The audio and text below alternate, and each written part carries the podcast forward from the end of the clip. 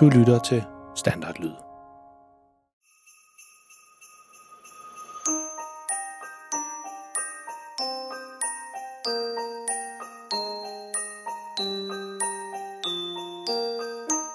Dette er en julehistorie om en helt almindelig pige og en helt almindelig dreng. De håber, de får en helt almindelig jul sammen med deres helt almindelige mor og far. Pigen hedder Freja, og hendes storebror hedder Malte. De går og glæder sig rigtig meget til juleaften, ligesom alle andre børn. Og ja, de er allerede i fuld gang med at lave ønskesedler til juleaften, præcis ligesom alle andre børn gør. Men måske skal vi lige snakke lidt mere om det der med en helt almindelig jul. For uden at Freja og Malte ved det endnu, så kommer den her jul til at blive alt andet end almindelig. Sammen der kommer de ud på et fantastisk juleeventyr, der strækker sig fra deres egen stue til Grønlands kolde sne og hele vejen tilbage igen. Det er en julehistorie fyldt med mystiske æsker, gamle familiehemmeligheder og selvfølgelig masser af pinlige ting med deres far. Velkommen til årets julekalender med verdens pinligste far og julens magi. Så find din varmeste julesvætter frem og hent en kop varm kakao og gør dig klar til at dykke ned i et eventyr, der får dig til at krumme tæerne, grine og måske endda tro lidt mere på julens magi. Er du klar? Så lyt med til allerførste afsnit, som hedder Forældremøde på skolen.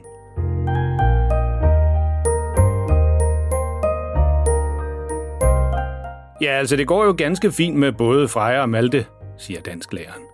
Der er jo ikke en finger at sætte på deres arbejde i skolen, og for det meste så er de gode til at lave deres lektier.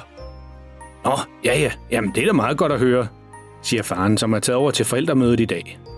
Freja og Maltes mor havde desværre ikke tid den her gang til at komme med, så det er faren, der er taget det over alene. Men er noget, vi bliver nødt til at snakke om, fortsætter dansklæren. Ja, der er faktisk to ting. Øhm, for det første, så har vi besluttet i skolebestyrelsen at aflyse juleklip i år. Hvad? Ja, det er måske ikke helt det, som ungerne havde håbet på, men altså siden episoden sidste år, som ja, du jo kender alt for godt, så har vi i skolebestyrelsen valgt at aflyse det, fordi det også er en måde, vi kan spare lidt penge på skolebudgettet. Ja, det er jo ikke helt billigt at købe sådan en gang glimmer der. Men det var jo ikke min skyld, at Sofia Males far fik lidt glimmer på skjorten. Dansklæreren ligger nu armene på kors og kigger bare på faren uden at sige noget. Ja, altså, det var jo ikke kun min skyld siger faren med en lille stemme. Og så retter han sig op i sædet og siger igen med normal stemme. Hvad, hvad, hvad var den anden ting? Den anden ting? Nå, ja, øh, jo, det var, at vi var enormt glade for al den hjælp, vi fik fra forældrene, dengang lærerne var på kursus, så du behøver slet ikke at melde dig igen som vikar en anden gang, siger læreren. Nå, jamen jeg synes ellers, det var vildt spændende at være vikar. Ja, men altså ser du, starter læreren, vi finder en anden løsning næste gang. Ja, ja det er det, vi gør. En, en, en anden løsning. Og så streger læreren en besked på papir ud foran ham, hvor der står, sig til Freja og Maltes far, at han under ingen omstændigheder må være vikar på skolen igen. Men altså, øh, ja, så er der jo ikke mere for i dag. Du må hilse Freja og Malte derhjemme. Ja, det skal jeg nok gøre, siger faren og rejser sig.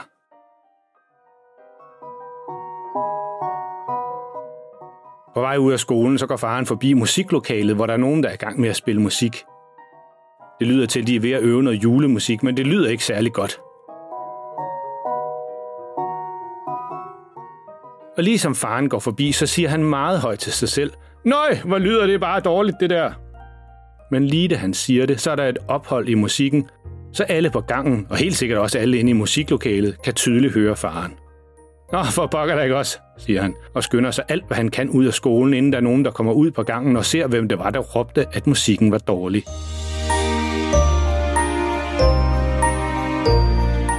Da han kommer hjem igen, så er Freja og Malte ude i køkkenet i gang med at lave lidt eftermiddagsmad. Og hvordan gik det? spørger Malte forsigtigt, da han aldrig er helt sikker på, hvordan det går at sende faren alene til forældremøde på skolen. Fint, fint, siger faren og går hen og uler begge ungers hår. Det er jo nogle dygtige børn, jeg har. De har skruet hovedet ordentligt på. Ja, det var i hvert fald det, de sagde derovre. Sagde de andre ting? spørger Freja. Nej, det var det eneste, siger faren. nej, nej øh, jo, øh, de sagde også, at der kommer ikke noget juleklip på skolen i år. Hvad? siger Freja højt, da hun ikke tror sine egne ører. Hvorfor ikke det? Var det på grund af... Men faren han afbryder han. Nej, nej, nej, nej, nej, det var et eller andet med at spare penge. Det havde ikke noget med mig at gøre. Overhovedet ikke. Slet ikke. Ej, altså. Jeg havde sådan glædet mig til at lave juleklip. siger Freja surt og går ind på sit værelse og lukker døren efter sig. Det var bestemt ikke den start på julemåneden december, hun havde håbet på. Kom nu, far, siger Freja. Du bliver nødt til at hjælpe os med det her. Ah, men hvorfor lige i dag? Kan vi ikke bare gøre det en anden dag? Jeg sidder lige her og drikker kaffe og læser avis. Jamen, det er jo december nu, indskyder Malte. Har du glemt det? Er det december? Jamen, hvordan er det gået til? Jeg synes lige, det har været sommerferie. Er I sikre på, at det er december nu? spørger faren og virker helt forvirret. Freja og Malte kigger på hinanden. De vidste bare, at det her det ville ske. I flere uger har der hængt en seddel på køleskabet om, at de skal hente julepynt ned fra loftet. Men deres far har åbenbart ikke set den seddel, eller også har han tænkt, at det var de andre, som skulle gøre det. Ja, det er december nu, siger Freja. Vi skal altså pynte op med julepynt i hele huset. Det plejer vi altså. Og du bliver nødt til at hjælpe. Der er helt vildt mange kasser, og de er tunge alle sammen. Nå, ja, ja, ja. Godt ord igen. Lad os kigge på det. Så sammen så kravler far og Freja og Malte op på loftet for at finde alle kasserne med julepynt. De står nede i den ene ende af loftet, og der er faktisk rigtig mange kasser. For hvis der er noget, deres familie godt kan lide, så er det at pynte op til jul. Alle kan godt lide det. Eller i hvert fald, mor og Freja og Malte kan rigtig godt lide det. Jeg synes, det der julehalløj, det er blevet lidt for meget, altså, plejer faren altid at sige. Hold da op, hvor er der mange kasser, siger faren og tør sveden af panden, da han har fået båret det hele ned i stuen. Jeg synes, der er mange flere kasser i år, end der var sidste år, men det kan jo ikke passe. Freja åbner en af kasserne, den er fuld af nissehuer, og hun tager straks en på og giver en til Malte, som også tager den på. Der er nok til hele familien, siger Freja. Kommer de alle sammen hjem til os i år? Ja, jo, altså, ja, det ved vi ikke rigtigt endnu, siger faren. Men da han ser, at Freja og Malte tydeligvis gerne vil have, at de holder jul hjemme ved dem i år, så skynder han sig at tilføje, Ja jo, det håber vi på, men der er stadig lige et par ting, der skal falde på plads først. Men det er altså planen. Og så forsøger han at skifte emne, så han åbner en anden kasse med julepynt og hiver en lang girlande ud. Hvor skal den her hænge? Og det er da egentlig et pudsigt navn til julepynt, siger jeg bare. Girlande. Girilande. Hvad betyder det egentlig? Hverken Freja eller Malte svarer ham, for de er ikke helt sikre på, om det var et spørgsmål eller ej. I stedet så åbner de bare flere kasser, og lidt efter lidt, så får de pyntet rigtig godt op nede i stuen. De har hængt kravlenisser op i alle vindueskarmene og op på hylderne rundt om. Og Malte har været ude på badeværelset og hentet en masse vat, og nu har han og Freja lavet et flot snelandskab over på sofabordet. Øhm, unger, siger faren, og begge unger kigger over på ham. Kan I måske lige hjælpe mig ud af denne her? Og faren har på en eller anden måde forviklet sig selv helt ind i girlanden, så han er blevet helt fanget af den nu. De får viklet ham ud af girlanden igen, og sammen får de hængt den op over fjernsynet. De har ikke købt et juletræ nu, for de er ikke sikre på, at det kan holde helt til jul.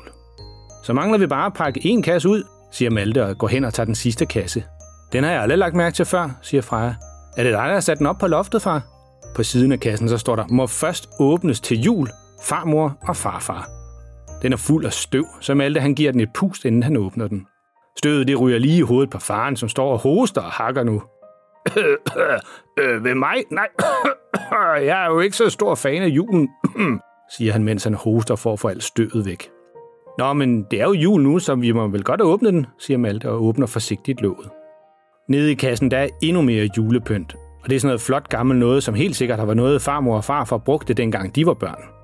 Ej, hvor er det bare flot alt sammen, siger Freja, mens hun tager noget af det op. Skal vi ikke også hænge det op? Så bliver farmor helt sikkert glad, når de kommer. Og så kigger hun spørgende over på faren igen. For de kommer da ikke også? Øh, jo, jo, jo, jo, ja, det, det plejer de. Men øh, I ved jo det der med flyet fra Grønland og en masse andre ting, altså sådan noget voksen snak, men jo, jo, de kommer helt sikkert, siger faren. Og så hurtigt så får de tømt den sidste kasse med julepynt og hængt det op sammen med det andet. Freja, hun går over for at se, om der er mere i kassen. Hvad er det her? spørger hun. Hvad er hvad? siger Malte. Men Freja hiver en gammel trææske op af kassen. Den er lavet af noget meget flot mørkt træ, og den er på størrelse med sådan en stor bog. Ved du, hvad det her er, far? Siger Malte, da han ser æsken. Nej, men det ligner noget, som farfar han altid har stående derhjemme. Og så siger han mere til sig selv. Hvorfor har han den stadigvæk, og hvorfor har han lagt den her hos os? Man kan ikke åbne den, den er, den er låst, man skal vist have en nøgle, siger Freja, og viser æsken frem til Malte og far. Mystisk, siger faren.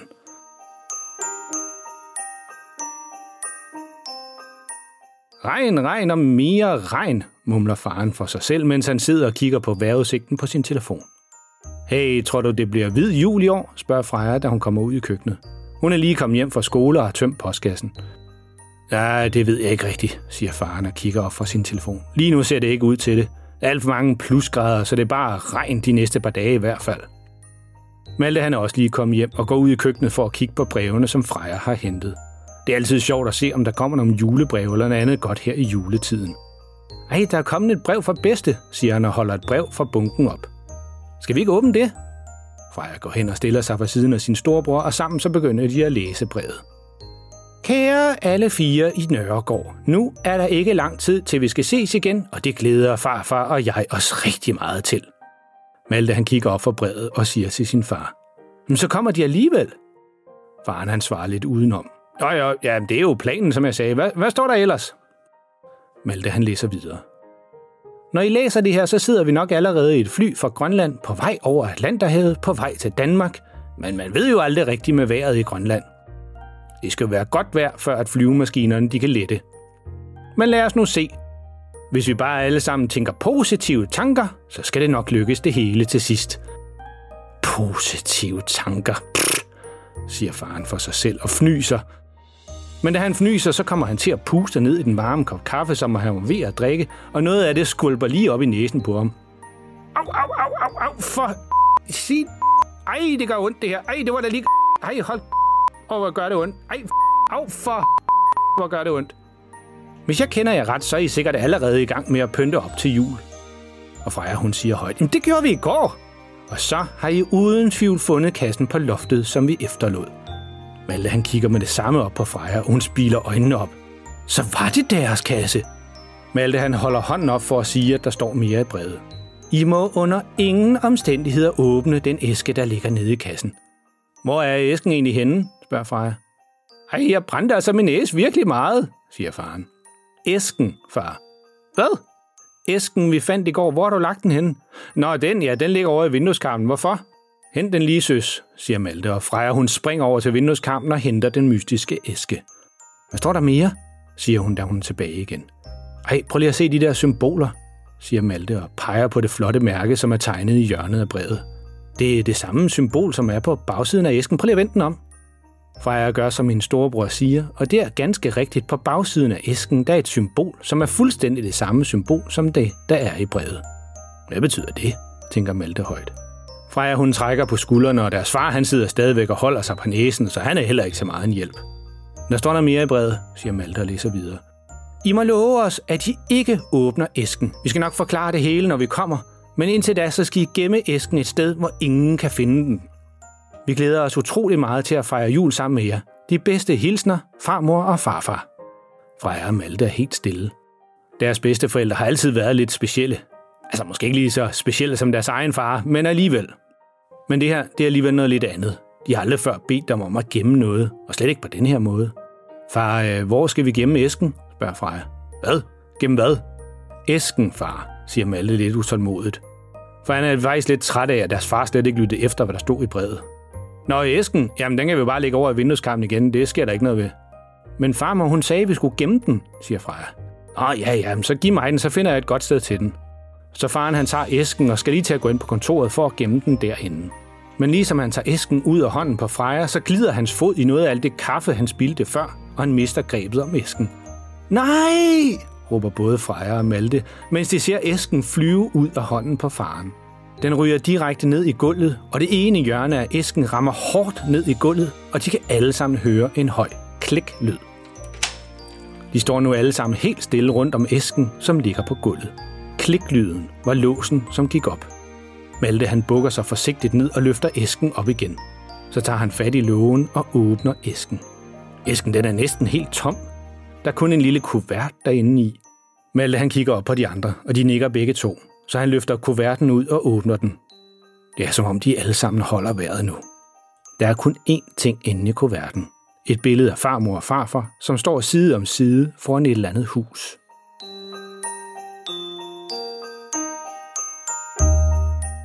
Hej, banditter, siger farmor, da hun kommer ind ad døren sammen med farfar. Freja og Maltes far og mor har lige været ude i lufthavnen for at hente dem. Flyet fra Grønland fløj heldigvis helt efter planen, så de er kommet godt og sikkert frem. Både Freja og Malte har glædet sig helt vildt til, de skulle komme. Det er altid så hyggeligt, når bedsteforældrene er hos dem i hele julen. Og jeg kan se, at I er godt i gang med at pynte op til jul, siger farfar og peger på alt det julepynt, som ligger på gulvet. Af en eller anden mystisk grund, så er alt julepyntet faldet ned i løbet af natten. Så i stedet for at hænge pænt, hvor det hang i går, så ligger det alle sammen på gulvet nu. Ja, siger Malte, det var altså vildt mærkeligt. Vi havde allerede pyntet op én gang. Ja, selvfølgelig havde I det, min skat, siger farmor på en måde, så det er tydeligt, hun ikke rigtig tror på Malte. Og han bare kommer med en dårlig undskyldning for, at de ikke har nået at pynte op endnu. Ej, det skal du ikke tænke mere på. Vi skal nok hjælpe med resten, siger farfar. Øh, fedt, siger Freja. Men der er altså noget andet, vi lige skal spørge jer om først. Freja, hun vender sig om og tager den mystiske æske frem, som de fandt i går. Altså, det er bare fordi, vi fandt den her æske, siger Freja. Men hun når ikke at sige mere, inden farmor hun pludselig afbryder. Nå, men øh, mens I ordner alt det her julepønt, så kan jeg lige pakke vores tasker ud. Og så med meget hurtige skridt, så går hun ud af stuen og ned til det værelse, som farmor og farfar skal sove i, mens de er på besøg hos familien. Øh, siger Malte. Var det noget, vi sagde? Hvor fandt I den henne? spørger farfar meget lavt, som om der er ikke andre, end der må høre ham. Øh, i en kasse op på loftet, siger far. Nå ja, det var der, den var. Ja, jeg kunne ikke huske, hvor det var, vi havde fået den opbevaret, da vi flyttede til Grønland. Men godt, I fandt den. Den skal vi nemlig bruge her i december måned. Lad mig lige prøve at se den, siger farfar og rækker ud efter æsken. Da han får den i hænderne, så kigger han undersøgende på den, og lidt efter, så kigger han op igen. Har I åbnet den? Nej, nej, nej, nej, overhovedet ikke. Det kan man slet ikke, altså, skynder faren sig at sige. Jo, siger Malte. Men det var ikke med vilje, tilføjer Freja. Når åbnede den? Jo, ja, det har vi, siger faren, som om han ikke hørte rigtigt første gang. Nå, ingen skade sket, siger farfar og smiler. Men har I stadigvæk billedet, som var inde i æsken? Ja, det er her, siger Freja og rækker ham konvolutten, som var inde i æsken. Farfar han åbner den og trækker billedet ud, og så kigger han kort på det og gnider sig i skægget. Ja, det er som jeg frygtede, mumler han for sig selv. Hvad? siger Malte. Er der noget galt med billedet? Nej, nej, nej, nej, ingenting overhovedet. Og meget hurtigt så lægger han billedet ned i kuverten igen og lægger det over på bordet og lader som ingenting. Nå, men skal vi øh, ikke få hængt alt det der julepynt op, siger farfar. Og sammen bruger de resten af eftermiddagen på at hænge det hele op igen. Også selvom de synes, det er lidt mærkeligt, at farfar ikke vil snakke mere om billedet af ham og farmor.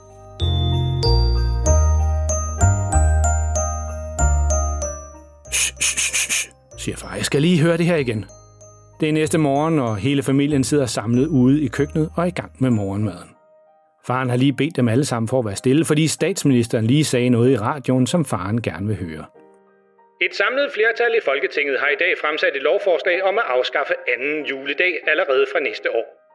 Vi mener som regering, at det er utroligt vigtigt, at vi står sammen for at sikre den velfærd, vi i Danmark er så kendte for. Og det er jo som bekendt en velfærd, der koster. Og ved afskaffelsen af anden juledag kan vi samlet set højne produktiviteten på tværs af alle arbejdspladser i Danmark med helt op til 3 milliarder kroner. Hvad for noget, siger Freja, som næsten ikke tror sine egne ører. Hvorfor skal voksne bare ødelægge alt det sjove, siger hun og træsker surt ud af køkkenet. Går I i skole nu? råber mor efter Freja og Malte. Så husk lige jeres regnfrakker. Det kommer til at regne hele ugen. Ej, nu stopper det altså, siger Freja og smækker surt med døren, da hun går i skole. Det er som om, det bare aldrig bliver jul i år.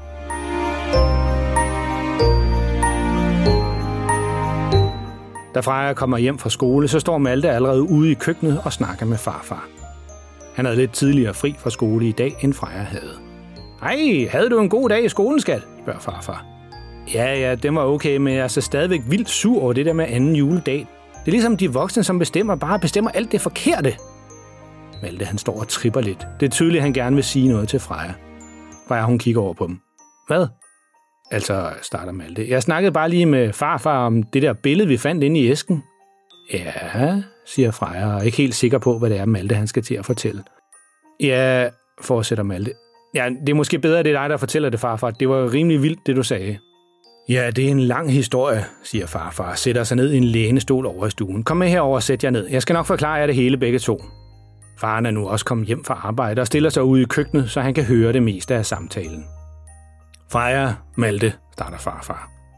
Det er jo, som I ved, snart jul, og julen den er noget meget specielt. Nok på flere måder, end I nogensinde havde regnet med. Se, farmor og jeg, vi har brug for jeres hjælp til at holde julens magi i live. Ej, nu starter du det der igen, siger faren ude fra køkkenet, og så vender han sig mod Freja og Malte. Altså, det er sådan noget overtroisk sludder, som han og farmor altid snakket om hele min barndom. Det er helt tosset, siger jeg. I skal altså ikke lytte på det.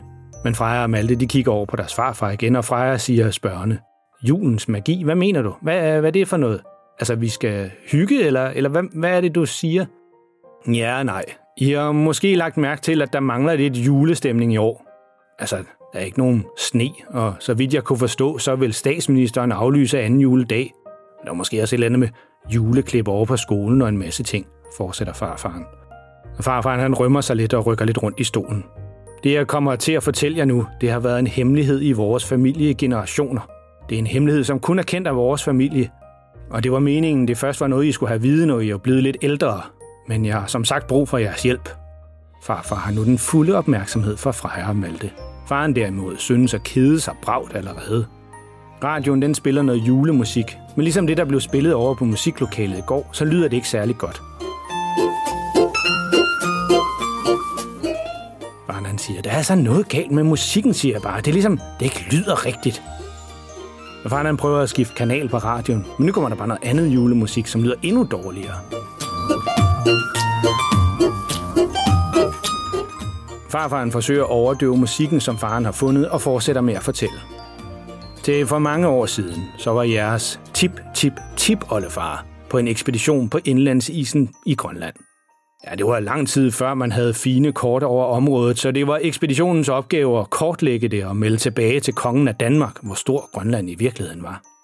En ekspedition, siger Freja spørgende, og Malte han siger, er det sådan lidt en, en mission, kan man sige. Åh, siger Freja. Ja, nemlig Malte.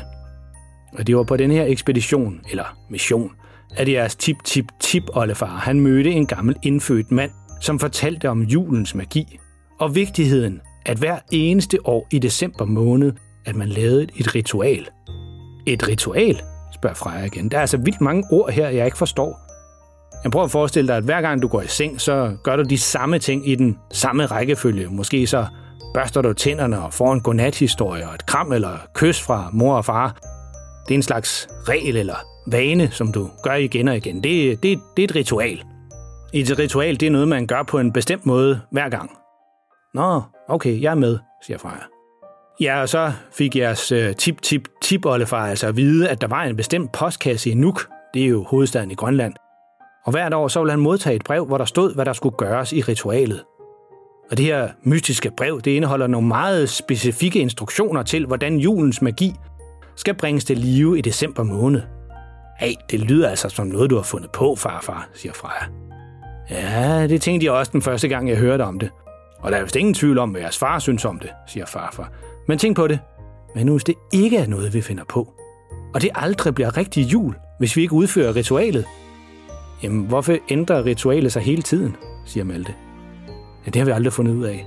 Nogle gange så er det nemt nok, så skal man bare lave nogle æbleskiver på en bestemt måde, eller synge en eller anden julesang. Andre gange, så er det rigtig svært. Og i år, det er en af de helt svære. Og det er derfor, jeg har brug for jeres hjælp. Hvad siger I, unger? Men hvad har det alt sammen med billedet at gøre, spørger Malte. Det er altså ligesom, det mister sine farver, og jeg synes, det havde mange flere farver, da vi fandt det nede i æsken for et par dage siden. Ja, nemlig. Ah, siger far højlydt. Det er jo bare fordi, det er et gammelt sort-hvidt billede, der er taget før farvebilledet overhovedet var opfundet. Altså dengang, der var jo kun én kanal i fjernsynet, og man skulle gå over 10 km hver dag for at komme i skole. Freja, hun afbryder faren. Ja, ja, far, vi er med. Og så til farfaren. Fortsæt med at fortælle. Billedet. Ja, ja, det er et godt spørgsmål, Malte, siger farfar. Det er nemlig ikke noget sort-hvidt billede, men det er heller ikke et helt normalt billede. Se, billedet det viser, hvordan det går med julens magi i år. Jo mere gråt og kedeligt billedet er, jo mindre julestemning er der. Vi har aldrig rigtig fundet ud af, hvorfor det er sådan, det hænger sammen. Men der er en direkte sammenhæng mellem farverne på billedet og så julens magi. Ej, det lyder altså helt tosset alt sammen, siger Freja, og har lidt svært ved at tro på det hele. Øh, far, hvor gik farfar hen? spørger Freja. Hun står med billedet af farmor og farfar i hånden. Hende og Malte er blevet inde i stuen. De tænker stadigvæk på det, deres farfar sagde til dem, og er stadigvæk i tvivl om, om det er noget, de skal tro på eller ej. Jeg er ikke helt sikker på, hvor han gik hen. Han skulle hjælpe farmor med et eller andet, siger far. Okay, så kan det være, at du ved det. Hvorfor er der et billede af farmor og farfar inde i æsken, og hvad er det der med farverne? Det forstod jeg altså overhovedet ikke noget som helst af. Lad mig lige se det, siger faren og løfter billedet op. Ja, det ser godt nok ud til, det er et gammelt billede. De ser i hvert fald noget yngre ud, synes jeg. Ha, det er helt sjovt at se et billede af dem fra dengang. Men hvorfor var det gemt inde i æsken, spørger Freja. Det er et godt spørgsmål. Malte han ryster på hovedet. Og der står heller ikke noget på bagsiden af billedet, siger faren, mens han vender billedet om. Freja kigger nærmere på billedet nu. De står foran et posthus. Prøv at se, siger hun og peger på bygningen i baggrunden på billedet. Der står Nørregård Posthus hen over døren. Ej, det er da lidt mærkeligt, for det er der jo ikke noget, der hedder mere. Det er lang tid siden, det lukkede. Men nu skal vi jo ned i supermarkedet og hente vores pakker dernede, siger faren. Lad mig lige se igen.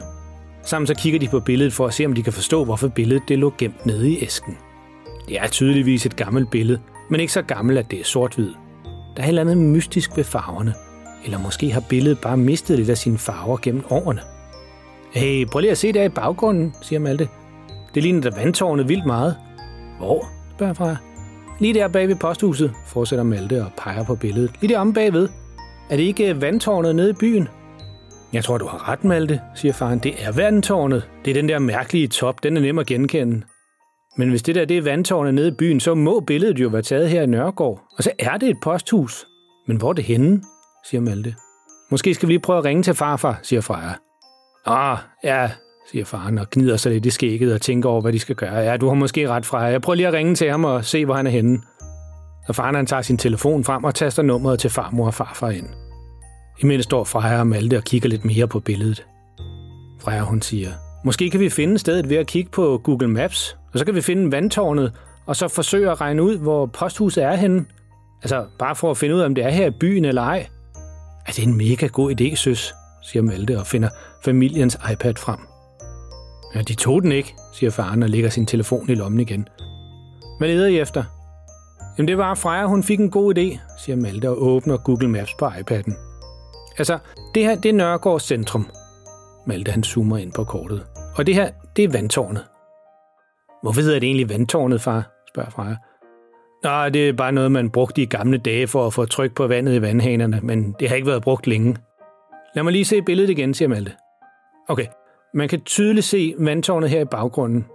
Måske er det 200-300 meter væk fra posthuset. Og så ser det ud som om skoven den er endnu længere bagved. Der er i hvert fald en masse træer, som er længere bagud i billedet. Ej, det er godt set. I er ligesom sådan nogle små detektiver i to, siger faren og smiler helt stolt. Okay, så hvis vi tager retningen fra skoven over til vandtårnet, og så fortsætter i sådan en lige linje, så kommer vi hertil, siger Malte og zoomer ind et sted i byen på kortet. Men der er jo ikke noget, siger Freja. Det er jo bare en masse gamle bygninger. Det må jeg have set mange gange, når mig og pigerne nede i byen for at købe slik. Ej, vent lige. Prøv lige, prøv lige at se på billedet, siger Malte pludselig og sætter en finger på billedet med farmor og farfar.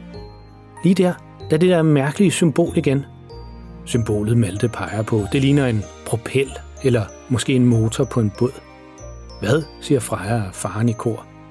Lige der på skiltet, hvor der står posthus. Det er det samme symbol, som der var på æsken og i brevet. Ej, det er så mærkeligt det her, siger Freja. Malte han kigger igen på kortet på iPad'en og så over på faren. Og så kigger han ned på Google Maps og nikker. Der er kun én måde, vi kan komme til bunds i det her på, siger han, nu når farfar han ikke tager telefonen. Vi bliver nødt til at smutte ned i byen og se, om vi kan finde ud af, om det er et posthus eller ej.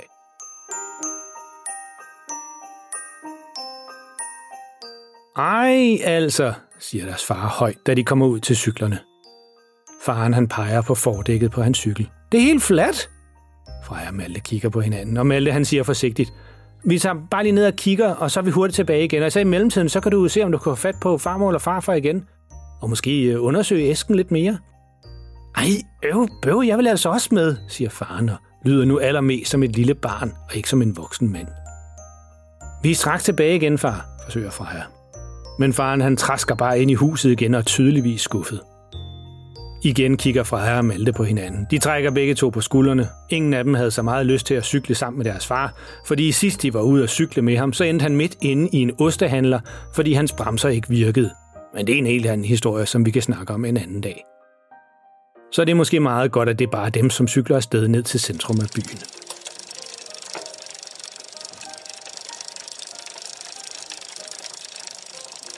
Det tager ikke mange minutter at cykle ned til centrum, og de stopper over ved det gamle vandtårn, som tydeligt var på billedet i baggrunden. Malte han siger, altså skoven den er der, og så peger han i retningen ud af byen. Og vandtårnet det er lige der, så det må være i den retning der. Han hopper op på cyklen igen og triller lige så stille afsted, mens han og Freja kigger på alle husene. De cykler lidt rundt og kigger på alle de gamle bygninger, som er en del af det gamle centrum i byen. Jeg har faktisk aldrig tænkt over, at der lå så mange gamle huse hernede. De cykler altid bare lige forbi, når de skal ned til bytorvet og det nye butikscenter. Altså nu hvor de er her og virkelig kigger grundigt på alting, så kan de godt huske bygningerne. Det er bare lidt som om, man glemmer dem, når det ikke lige er det, man ser efter. Efter at have cyklet rundt et stykke tid, så siger Freja, hvad med det der hus? Det er jo lyserblåt ligesom på billedet. Prøv lige at kigge en gang på billedet. De stopper og tager billedet frem og kigger nøje på det. Malte han siger, lyserblåt? Hvorfor siger du, at bygningen den skal være lyserblå? På billedet står farmor og farfar rigtig nok foran et hus. Men igen er det som om, at farverne i baggrunden ikke rigtig er der. For det hus, de står foran, det er helt gråt og ikke lyserblåt. Ej, det er mærkeligt, siger Freja. Jeg er sikker på, at det så lyserblåt ud, at vi kiggede på billedet derhjemme. Det må være noget med lyset. Men altså, hvis du kigger over taget på det her hus, så kan du se vandtårnet omme bagved, og skoven lidt længere væk. Der ligner der meget godt, synes du ikke? Malte han kigger på billedet og holder det nu op foran sig, så det præcis dækker det hus, de står foran. Og så tager han det hurtigt ned igen og op igen for at sammenligne. Ja, jeg tror, du har ret. Det er altså godt set, søs, siger Malte. Men det er jo ikke noget posthus, siger Freja. Nej, men måske skal vi gå hen og banke på. Nej, det gør du. Det tør jeg ikke, siger Freja. Og ser nu mest af alt ud, som om hun gerne vil have de cykler igen.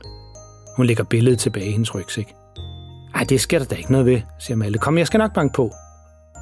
Så stiller de cyklerne fra sig ude ved vejen og går hen mod huset.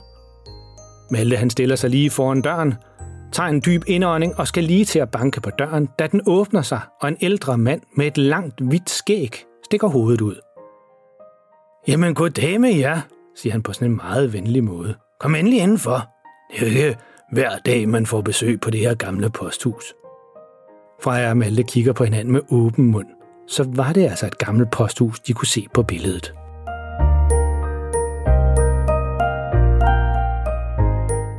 Kom ind, kom ind, siger den gamle mand, og træder et skridt til side, så ungerne kan komme ind, mens han holder døren. Øh, hvorfor vidste du, at vi kom? spørger Malte. Den gamle mand synes ikke helt at høre Maltes spørgsmål og siger i stedet for, Nej, jeg var lige på vej ud for at hente noget frokost, men det kan jo godt vente lidt endnu. Inden i posthuset kan Freja og Malte høre noget hyggeligt julemusik spille i baggrunden. De kigger på hinanden, og Malte han nikker til Freja. De tænker, det nok er okay at gå indenfor og kigge lidt i posthuset. Den gamle mand synes at være flink nok, så de går forbi ham og indenfor. De bliver meget overrasket, da de kommer ind. Det ligner på ingen måde et posthus. Overalt er der fyldt med gamle bøger og malerier og en masse andre gamle ting. Er der noget specielt, I kigger efter? spørger den gamle mand, da han lukker døren. Men vi troede, det var et gammelt posthus, siger Freja. Ja, men det var det også, skal du tro, starter han. Det er godt nok nogle år siden, vi lukkede det. I dag, der er det en antikvar. En hvad? spørger Malte. En antikvar, siger manden og griner lidt. Ja, det er nok ikke et ord, I bruger så meget i dag, men det betyder bare, at det her det er en butik, der sælger gamle ting og sager, som normalt vil blive smidt ud. Ah, siger Malte. Okay, men det var bare fordi, vi ledte efter det gamle posthus. Nå, ja, der kommer I nok lidt for sent. Al posten og pakkerne, det bliver i dag ordnet over i supermarkedet. Jamen, det var også det, vi troede, tilføjer Freja. Men vi har det her billede, som vi har fundet af vores bedsteforældre. Freja, hun tager sin rygsæk af og åbner det for at finde billedet frem. Må jeg prøve at se det engang, spørger manden, og Freja, hun rækker ham billedet. ja, det er et godt gammelt billede, må jeg sige, siger han, da han ser billedet. Det er godt nok taget herude foran posthuset, men det er mange år siden. Ja, det tænkte vi også, fordi vores bedsteforældre, de ser helt unge ud på billedet, svarer Freja. Ja, det var de også. Kender du dem godt? Kender dem, siger den gamle mand og griner lidt. Ja, det kan du tro. De var, eller måske skal jeg sige er, begge to nogle af mine gamle venner. Vil I ikke have en pebernød eller måske en julekleine?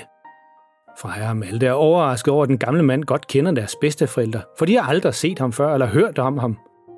Så de gør ikke andet end at nikke og tager et par af de pebernødder, som han tilbyder. Ja, det var mig, der tog billedet af dem. De kom altid forbi i julemåneden og hjalp mig med at ordne alle de breve og pakker, som blev sendt i forbindelse med julen. Se, dengang så sendte folk altid lange julebreve til hinanden. Det gør de ikke så meget mere, siger han og tager selv et par pebernødder, inden han fortsætter. Altså hvert år så sendte børnene i byen utrolig mange breve til julemanden. De skrev sikkert en hel masse om, hvad de ønskede sig i julegave og den slags ting. Ja, det var en hyggelig tid. Men jeg havde jo travlt med både at sortere alle de breve og pakker, som normalt blev sendt. Det var jo mit job som postmester, så på den måde så var det godt, de altid kom og hjalp. Men det vidste vi slet ikke, siger Malte. Hvad gjorde I så med alle brevene til julemanden? Ja, en af mine fornemmeste opgaver som postmester, det er jo at sørge for, at alle breve, lige meget hvem det er, der har sendt dem, og lige meget hvem de er til, det er, at de kommer frem i tide. Og nogle gange så havde folk skrevet en forkert adresse på brevet, og så var det min opgave at finde ud af den rigtige og sørge for, at brevet det kom frem. Men brevene til julemanden, gentager Freja. Hvad skete der med dem? Ja, dem sendte vi selvfølgelig videre til julemanden. Men hvorhen? Julemanden han eksisterer jo ligesom ikke rigtigt, siger Malte og smiler lidt, mens han kigger over på Freja. Det er jo kun noget, de voksne de bilder os ind, når vi er små. Ja, du er nu sikker på det, unge mand, siger postmesteren og spiser en pebernød mere, mens han knider sig i skægget.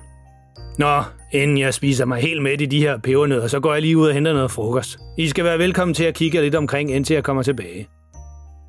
Og før Freja og Malle kan nå at sige noget som helst, er han gået ud af døren og efterladt dem alene inde i det gamle posthus, som nu er en antikvar. Freja kigger lidt omkring på alle tingene derinde og siger til sin storebror, han var en sjov gammel mand, var. Ja, vildt nok, at han både kendte farmor og far, for det vidste jeg slet ikke, svarer Malte. Men jeg tror altså stadigvæk, det er noget, de finder på alle sammen. Altså en gammel mand med hvidt skæg. Ah, det er næsten alt for meget igen. Og det er ikke fordi, at Freja hun er uenig i det Malte, han siger, men samtidig så lytter hun ikke rigtig efter. I stedet er hun begyndt at kigge rundt i butikken på alle de ting, der er derinde. Der er godt nok mange gamle ting herinde, siger hun og kigger rundt på en masse gamle legetøjsbiler, der står på bordene derinde. Bilerne de er fulde af støv, og det ser ikke ud som om, der er nogen, der har leget med dem i mange, mange år. Og en masse gamle bøger, siger Malte og peger på en bogreol for enden. De går ned og kigger på den. Der er en masse bøger med eventyr og sådan noget, siger Freja, mens hun læser titlerne på bøgerne højt. Klods Hans, Kejserens nye klæder, Den grimme ælling. Hey, Malte, prøv lige at se den her. Julens magi, siger Freja og tager den ned fra bogreolen og børster støvet af forsiden. Freja vender bogen om og viser forsiden til Malte. Og lige der på forsiden, under bogens titel, er der igen det der mystiske symbol. Og igen kan ungerne ikke lade være med at tænke på, at det ligner en propel, eller i hvert fald noget, der kan dreje rundt.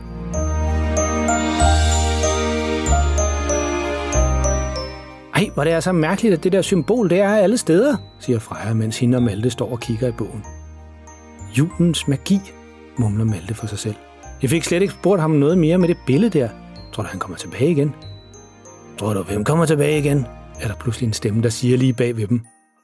Begge unger får et kæmpe chok og vender sig hurtigt om, men det er bare den gamle postmester, som er kommet tilbage fra sin frokostpause. Ingen af dem havde hørt, at han kom ind igen. De var så optaget af at kigge i bogen. Nå, det er bare dig, siger Freja og er lettet op. Har I fundet noget, I kan bruge? spørger postmesteren. Ja, altså, den her bog, siger Freja og viser postmesteren bogen om julens magi. Er det noget specielt? Specielt, siger den gamle postmester spørgende, mens han kigger på bogen. Ja, altså det er bare fordi, den har det der lidt mystiske. Ja, det er en speciel bog, afbryder postmesteren. Men det var jo mest af alt, fordi han ikke hørte så godt. Faktisk er det godt set, at de fandt lige præcis den bog inde i bogreolen. Har den noget med vores farmor og farfar at gøre, spørger Malte. Ja, på en måde. De to nisser, de elsker julen, så de elskede at læse i den bog. Nisser, siger Freja og Malte i kor. Hvad? Du sagde, de var nogle gamle nisser. Nå, ja, ja altså gamle nisser, sådan, altså ældre mennesker. Det var sådan, man siger, det var sådan en talemåde, ikke mere end det, siger postmesteren og fortsætter. Ved I hvad? I må få bogen. Tag den med hjem og læs nogle af historierne, så kan I være, I bliver lige så glade for julen, som jeres bedsteforældre er. Må vi få den? spørger Freja. Ja, det må I. I skal bare love at hilse fra mig, når I ser jeres bedsteforældre igen. Øh, okay. Ja, eller, eller tak, mener jeg, siger Malte, som er helt forvirret. Han synes stadigvæk, der er noget lidt mystisk ved det hele, og det her gamle posthus og postmesteren, men han kan ikke rigtig finde ud af, hvad det er. Det er bare sådan en mærkelig fornemmelse. Malte han kommer bogen ned i Frejas rygsæk. Jeg er afsted med jer, siger postmesteren. Ikke hver dag, jeg får så mange gæster, så nu er jeg blevet lidt træt, så jeg tror lige, jeg går ind og tager mig en lur.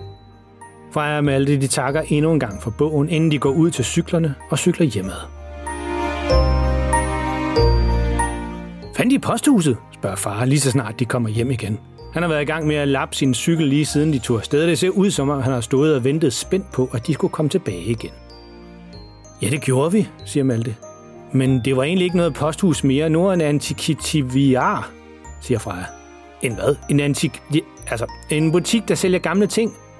Nå, okay. Ja, det havde jeg altså ikke lige regnet med, svarer faren. Og så fik vi den her bog. Freja, hun hiver bogen op af rygsækken. Den har det der mærkelige symbol, som også var på æsken og på brevet fra farmor. Hvad tror du, det betyder alt sammen, far? spørger Malte.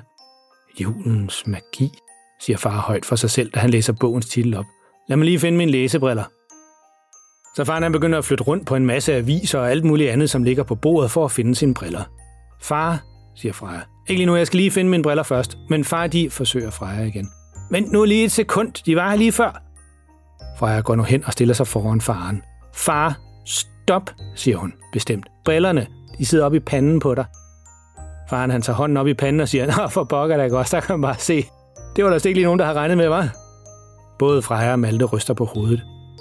For det er faktisk altid der, farens læsebriller sidder, når han ikke kan finde dem. Nå, lad os nu lige se, siger faren, når han har fået brillerne på og åbnet bogen. Julens magi, det virker det som om det er sådan en samling juleeventyr og måske nogle kageopskrifter. Måske var det sådan en bog, man fik gode idéer til julehygge i i gamle dage. Der er faktisk et kapitel, der hedder Julens Magi. Lad os lige læse det først, siger faren og slår op i bogen der, hvor kapitlet er.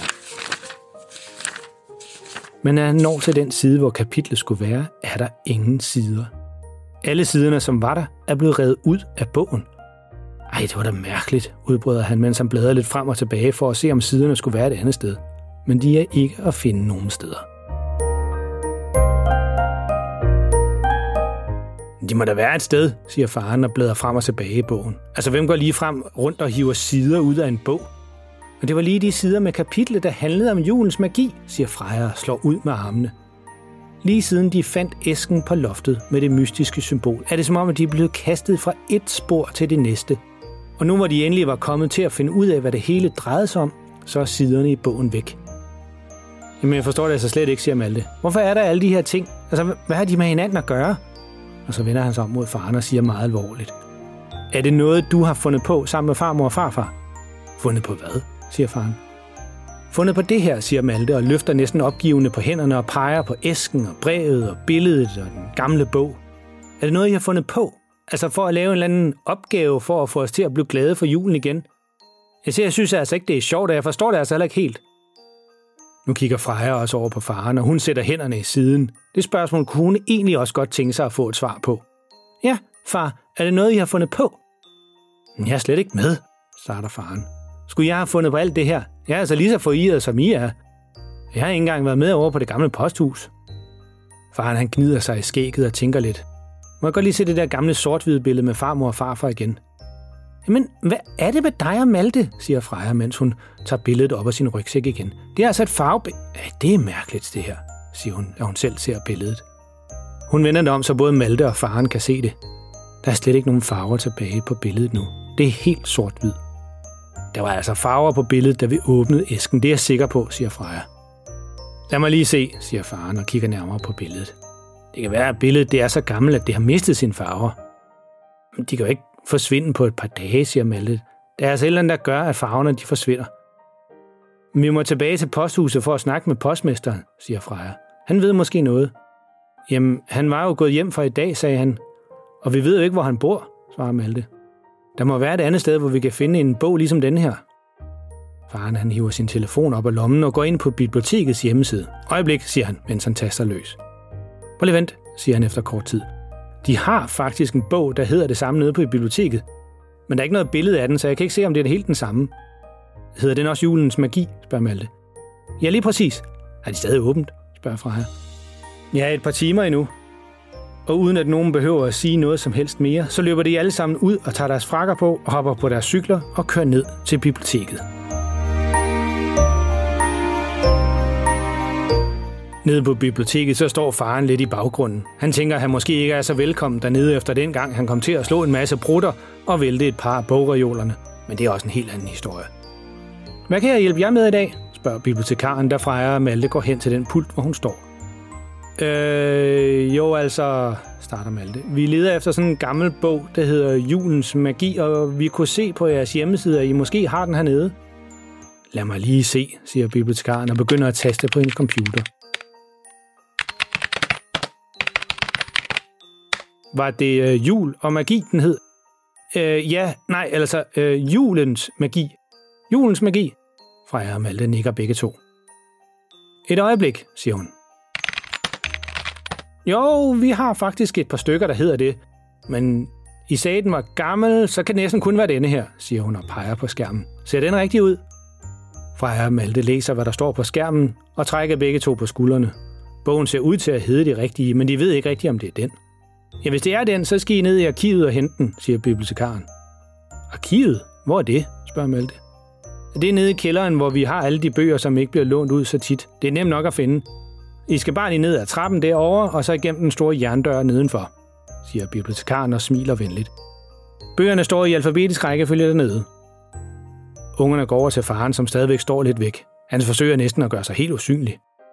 Kom far, vi skal ned i arkivet og lede.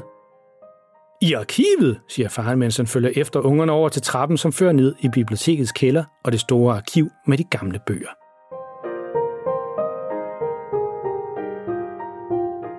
Tror du, det er den her? spørger Freja og peger på den store jerndør, som er nede for enden af trappen.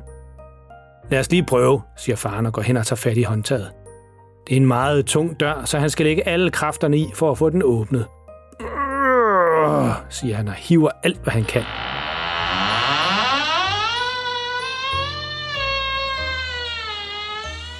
Så holder han døren åben for Freja og Malte, og sammen går de ind i kælderens store arkiv. Lad os lige tænde for lyset, siger faren og tænder for det store lysstofsrør, som er oppe i loftet.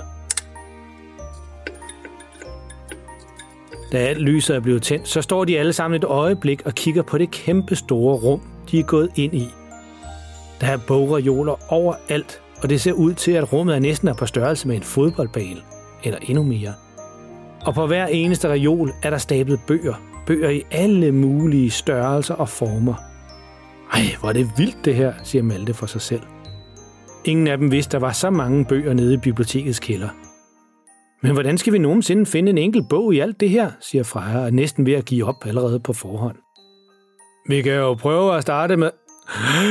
Lige et øjeblik, siger faren, og ser ud, som om han skal til at nyse. Vi kan jo... Åh, åh der er godt nok meget støv hernede. Og det går lige i næsen. Det, jeg prøver at sige, det er, at vi kan... Achoo! og så nyser faren kæmpe nys. Puha altså, det der støv, det er lige noget, der går ind i... Achoo! Nyser han igen og støtter sig op af en stolpe nede i kælderen. Brudsit, siger ungerne til ham. Åh, oh, jo tak. Nå, det jeg prøvede at sige, vi kunne prøve at starte med at kigge på det her skilt, siger faren og går et skridt baglæns fra den stolpe, han lænede sig op af. På den er der et skilt, der viser, hvor bøgerne er opbevaret i arkivet. Skønlitteratur, altså historier, det er de der bøger derovre, siger han og peger. Og faglitteratur, altså fakta, det er derovre. Hvad tror I bogen om julens magi, den er? Ja, den handlede om sådan noget eventyr, men der var også en masse bageopskrifter og sådan noget i den. Så det kan jo både være skønlitteratur og fakta, siger Malte. Hmm, god pointe. Lad os prøve med faglitteratur, altså fakta først. Freja, hun er allerede gået over til reoler, hvor faktabøgerne står. Det her, det er A til B, siger hun, og kigger ned ad den lange reol, hun står foran. Ja, så er det vel bare at gå lidt længere hen, siger faren. C, D, E, F, G, H, I. Her, siger Malte. J, J for julens magi. Nå, det var du ellers hurtigt til, siger faren. Der er godt nok mange bøger på J-reolen. Måske skal vi bare starte bagfra, når bogen neder i noget med julens magi. JU, det er jo næsten lige før det skifter til K. Og sammen går de helt ned til den anden ende af reolen og læser et par af bogtitlerne op på vej derned. Jammerbugten i 1700-tallet, jernalderen i Danmark, jordens vulkaner, Jørgensens sangtekster. Åh, oh, det var lidt for langt. Lidt lidt tilbage. Her, jul. Wow, siger Freja. Der er ikke bare en enkelt bog om jul, der er flere hundrede bøger men de hjælper hinanden, og rimelig hurtigt har de fundet en bog, der hedder Julens Magi. Tror det er den her? spørger Malte forsigtigt, mens han tager bogen ned af reolen. Freja holder vejret. Den har den samme forside med det mystiske symbol, så det er næsten helt sikkert den. Lad os lige prøve at se, siger faren og tager bogen ud af Maltes hånd og slår op der, hvor de manglende sider var i deres bog derhjemme. Ah, det var lige godt pokkers, siger faren. Hvad, hvad, hvad, siger Freja og Malte kor. Hvad er det? Den har alle siderne, siger faren og kigger op fra bogen. De klapper hurtigt bogen sammen og skynder sig op til bibliotekaren for at låne den med hjem. Og i løbet af et par minutter er de hjemme igen og kan sammenligne de to bøger. Det er præcis den samme bog, siger Malte, da de ligger dem side om side. Lad os se, hvad der står i kapitlet, siger faren og slår op i kapitlet med julens magi. Han begynder at læse op. Den sande magi fra julen kan findes af dem, som har hjertet rent og forstår det, som bringer dig størst glæde. Du vil finde magi der, hvor du finder en med store vinger, som ikke kan flyve, men den hjælper med at få brød på bordet. Hvad? Det forstod jeg overhovedet ikke noget som helst af, siger Malte. Nå, prøv, prøv, lige, prøv lige at læse det igen, siger Freja. Okay, jeg tror, det er sådan en gåde, man skal løse, eller sådan noget, siger faren og læser det op igen. Hjertet rent. Jamen, ja, det siger de altid, men det er som bare et med, at man skal være et ordentligt menneske. Så faren han kigger rundt på ungerne, og det er vi da allerede, er vi ikke? Begge unger trækker på skulderen. Det synes de i hvert fald selv, de er, men de er lidt i tvivl om, det er godt nok, så at sige. Men hvad med den anden del? Faren han læser op igen. Den har store vinger, altså en fugl, men den kan ikke flyve. Altså ikke en fugl. Og så hjælper den med at få brød på bordet. Ja, det sidste her, det forstår jeg altså selv ikke helt. Malte han ryster bare på hovedet, og Freja hun ser helt forvirret ud. Ej, det er umuligt at regne ud. Vi gætter det aldrig, siger Freja, mens hun er helt frustreret.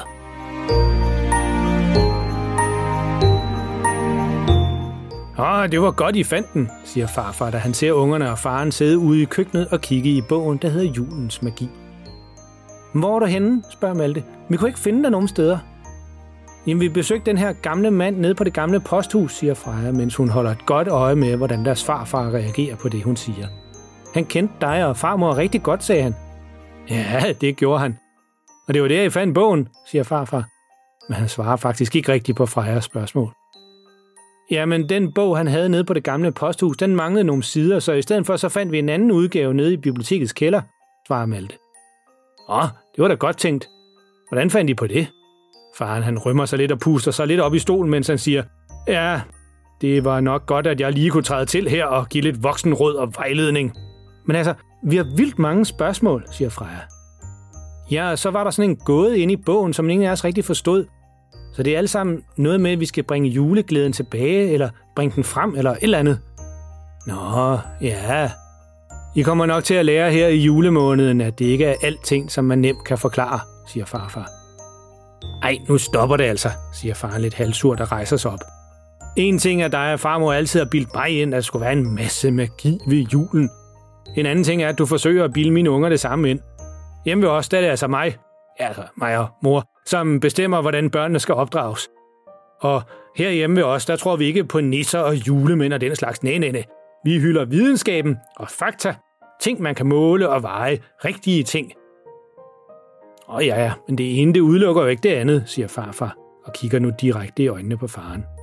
Lad os sige det på den her måde i stedet for. Kan du huske dengang, du var syv år gammel, og du for alt i verden ønskede dig en elektrisk racerbane? Ja, ja, det kan da godt, men jeg var også kun syv år gammel, siger faren. Jo jo, men det var dit højeste ønske.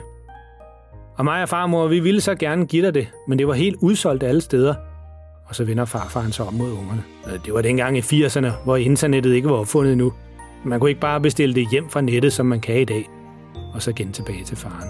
Men altså, vi vil rigtig gerne have fat i det til dig. Men lige netop det år var der praktisk talt ingen julemagi. Det var da bare fordi, det var udsolgt, indskyder faren og fnyser. Nej, det var ikke kun derfor. Hver eneste gang vi ringede til en butik, som måske havde det hjemme, så sagde de, at det var blevet udsolgt dagen før. Eller også af den sending, de havde fået, så var de alle sammen gået i stykker. Vi kom tættere og tættere på jul, og vi har stadig ikke fået købt nogen julegave til dig. Men så var det, at vi fik besøg af din farfar, altså jeres oldefar. Og det var lige præcis den jul, hvor han fortalte os om ritualet omkring julens magi. Vi troede heller ikke på det til at starte med. Men hele december måned havde det regnet og regnet, og det var faktisk meget lidt, som var sjovt det år. Og oldefar han mente, det var fordi, han ikke var blevet færdig med ritualet endnu. Det var nemlig en af de der svære år, hvor tingene til ritualet ikke var så nemme at skaffe. Og det var derfor, han var taget til Danmark fra Grønland for at få vores hjælp. Præcis ligesom... Og Freja og Malte slutter sætningen for ham. Præcis ligesom du har gjort.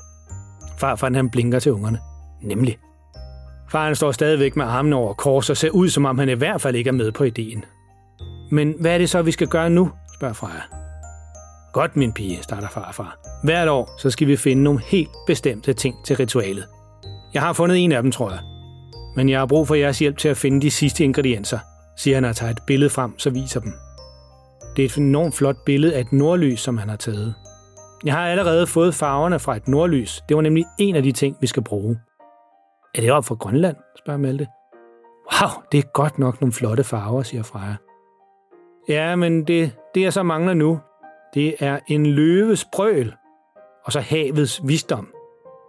Et løvebrøl og havets visdom, gentager Malte. Hvordan skal vi få fat på et brøl fra en løve? Ja, det er også netop det, der har givet mig lidt udfordringer. Ikke mindst fordi vi har jo ikke nogen løver oppe i Grønland. Og nu er faren alligevel blevet lidt nysgerrig. Er det sådan bogstaveligt, at du skal have fat i en løvesbrøl? Og hvad var det andet? Visdom fra havet? Havets visdom, gentager farfaren. Og som I kan høre, så er det ikke rigtig noget, man lige smutter hen og henter i Bilka. Så jeg har virkelig brug for jeres hjælp, hvis vi skal nå at gennemføre ritualet inden jul. Hvad siger I, unger? Er I klar til at hjælpe?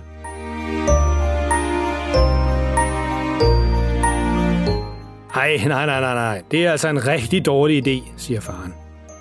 Freja og Malte forsøger at overvise dem om, at de skal tage ind i zoologisk have for at finde den ene af de to ingredienser, løvens brøl. Måske de ellers finde en løve. Men faren han er ikke så meget for ideen, fordi sidste gang de var inde i zoologisk have, så endte det med, at faren han faldt ind over indhegningen til aberne og måtte reddes ud af nogle dyrepasser. Og det er ikke lige noget, han har lyst til at prøve igen. Men far, siger Freja, mig og Malte skal nok ordne det hele. Der er bare så langt derind, så bliver jeg altså nødt til at køre os. Jamen, I kan da bare cykle derind, forsøger faren. Men Freja og Malle, de giver ikke så lidt op, og til sidst så giver faren sig. Men jeg går altså ikke i nærheden af de der aber igen, det siger jeg. Inde i zoologisk have, så forsøger Freja og Malte at finde en dyrepasser, som kan hjælpe dem. Øh, undskyld, siger Freja til en mand, som ligner en dyrepasser. Må jeg lige spørge dig om noget? Ja, selvfølgelig. Hvad kan jeg hjælpe dig med, siger dyrepasseren. Nå, men altså, det er bare fordi, min øh, storebror og mig, vi skal finde noget, der kan hjælpe med at skabe en god julestemning, og vi har brug for et brøl fra en løve. Øh, ja. Altså, hvordan et brøl, siger dyrepasseren. Malte, han forsøger at forklare. Ja, det er også det, vi heller ikke helt ved. Vi har bare fået at vide, at vi skal skaffe løvens brøl. Og så tænkte vi, at I har en masse løver herinde i Zoologisk Have, og så kunne det være, at vi kunne få en af løverne til at brøle. Ej, det er jo ikke noget, vi sådan gør på kommando. Det er nok mere et cirkus, hvor de gør den slags ting. Men det er jo ikke lovligt at have løver i cirkus i Danmark mere, så der kan vi nok ikke lige hjælpe jer. Malte han får en idé. Okay, men, men hvornår fodrer I løverne i dag? Men det gør vi om cirka 30 minutter. I skal være velkommen til at komme derned og kigge. Så kan det være, at I kan få jeres løvebrøl med dernede fra. Super, siger Freja og vender sig mod Malte. Det er godt tænkt, Malte. Ungerne går over til faren, som har sat sig i en lille café i suge, mens han venter på, at ungerne bliver færdige. Han vil ikke være mere i zoologisk have end allerhøjst nødvendigt. Far, vi går lige ned og ser løverne blive fodret. Du kan bare vente her. Ja, det passer også mig rigtig fint, siger faren.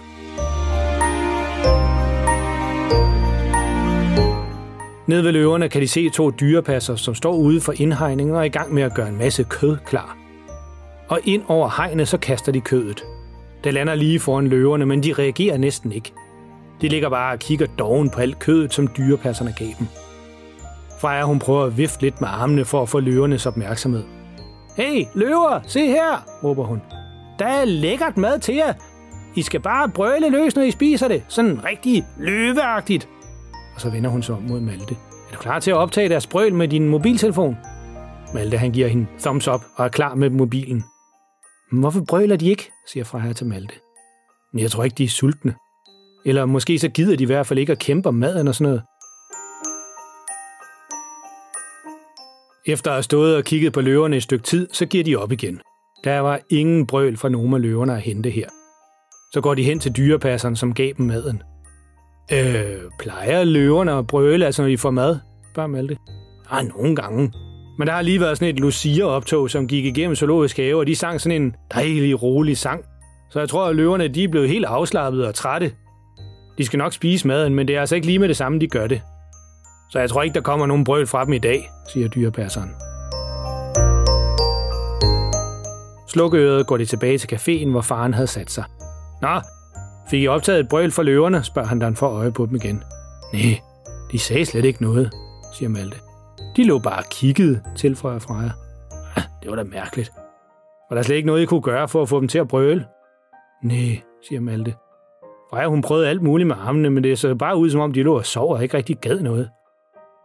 Men vi ved jo slet ikke, om det var en lydoptagelse, vi skulle have af løvernes brøl, siger faren. Nej, men hvordan skulle vi ellers få fat i det? Vi kan jo ikke gå rundt med en løve under armen hele tiden, siger Malte.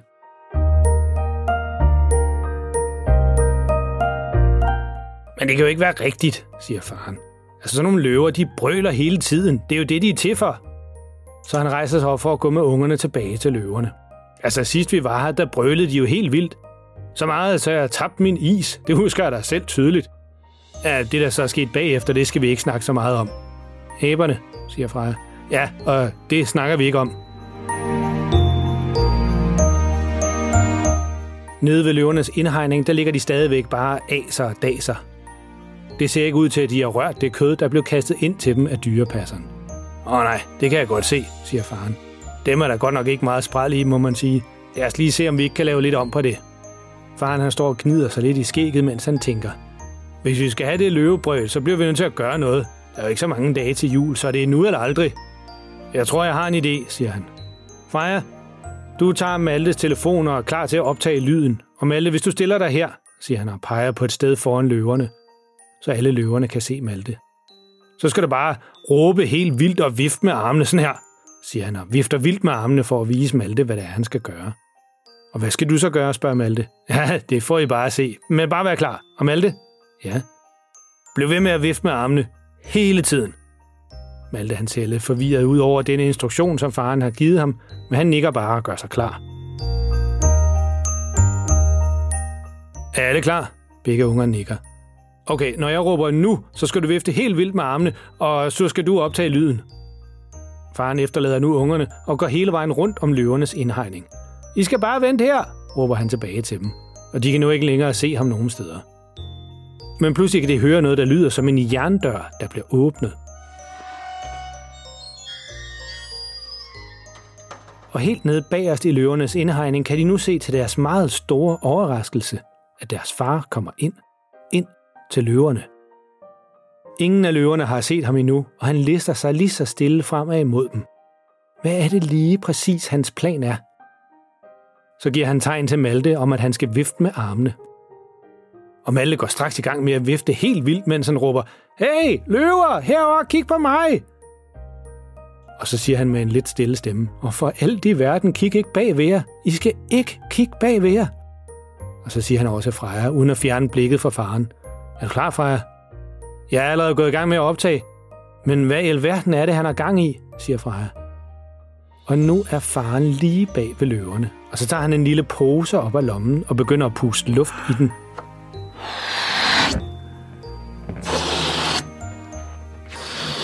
Nej, nej, nej, nej, nej, far. Det her, det hænder helt galt, siger Freja. Han har nu pustet posen helt op og holder godt fast i den ene ende for at balle den. Så går han lige to skridt tættere på, og så slår han så hårdt på den, han overhovedet kan, at den springer med et kæmpe brag. Løverne, som før lå helt stille og blot kiggede over på Malte, som stod og viftede med armene, springer nu på benene, og flere af dem brøler så højt, at faren bliver nødt til at holde sig for ørerne.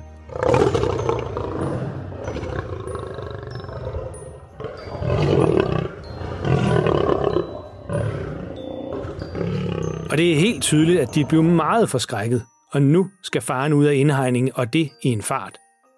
Så han drejer hurtigt omkring og spænder alt, hvad han overhovedet kan, tilbage til den store jerndør, og når lige ud af den på den anden side og smække døren efter sig, inden løverne nåede at fange ham.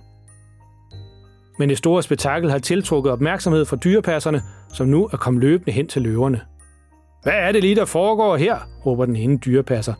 Men faren han er allerede væk fra døren og på vej over til ungerne.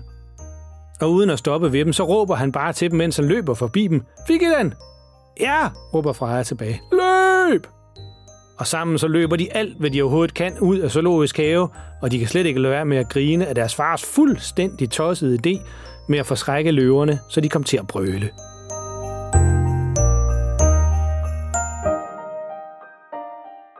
Far altså, siger Malte og forsøger at lyde sur, men han kan ikke lade være med at grine lidt af det hele. Det var altså helt vildt farligt, det der du gjorde. Ja, siger faren, men som jeg altid siger, I skal gøre, som jeg siger, ikke som jeg gør. Hua, jeg skal lige have pulsen ned igen. Lad os lige lytte til lyden. Har du telefonen, Freja? spørger Malte. Og Freja tager Maltes telefon frem og afspiller lyden.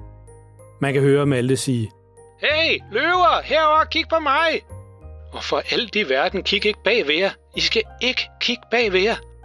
Er du klar, Freja? Jeg er allerede gået i gang med at optage. Men hvad i alverden er det, han har gang i? Nej, nej, nej, nej, nej, far. Det her, det hænder helt galt, siger Freja. Og kort tid efter er lyden af en pose, som bliver balret, straks forfulgt af en masse løver, som brøler.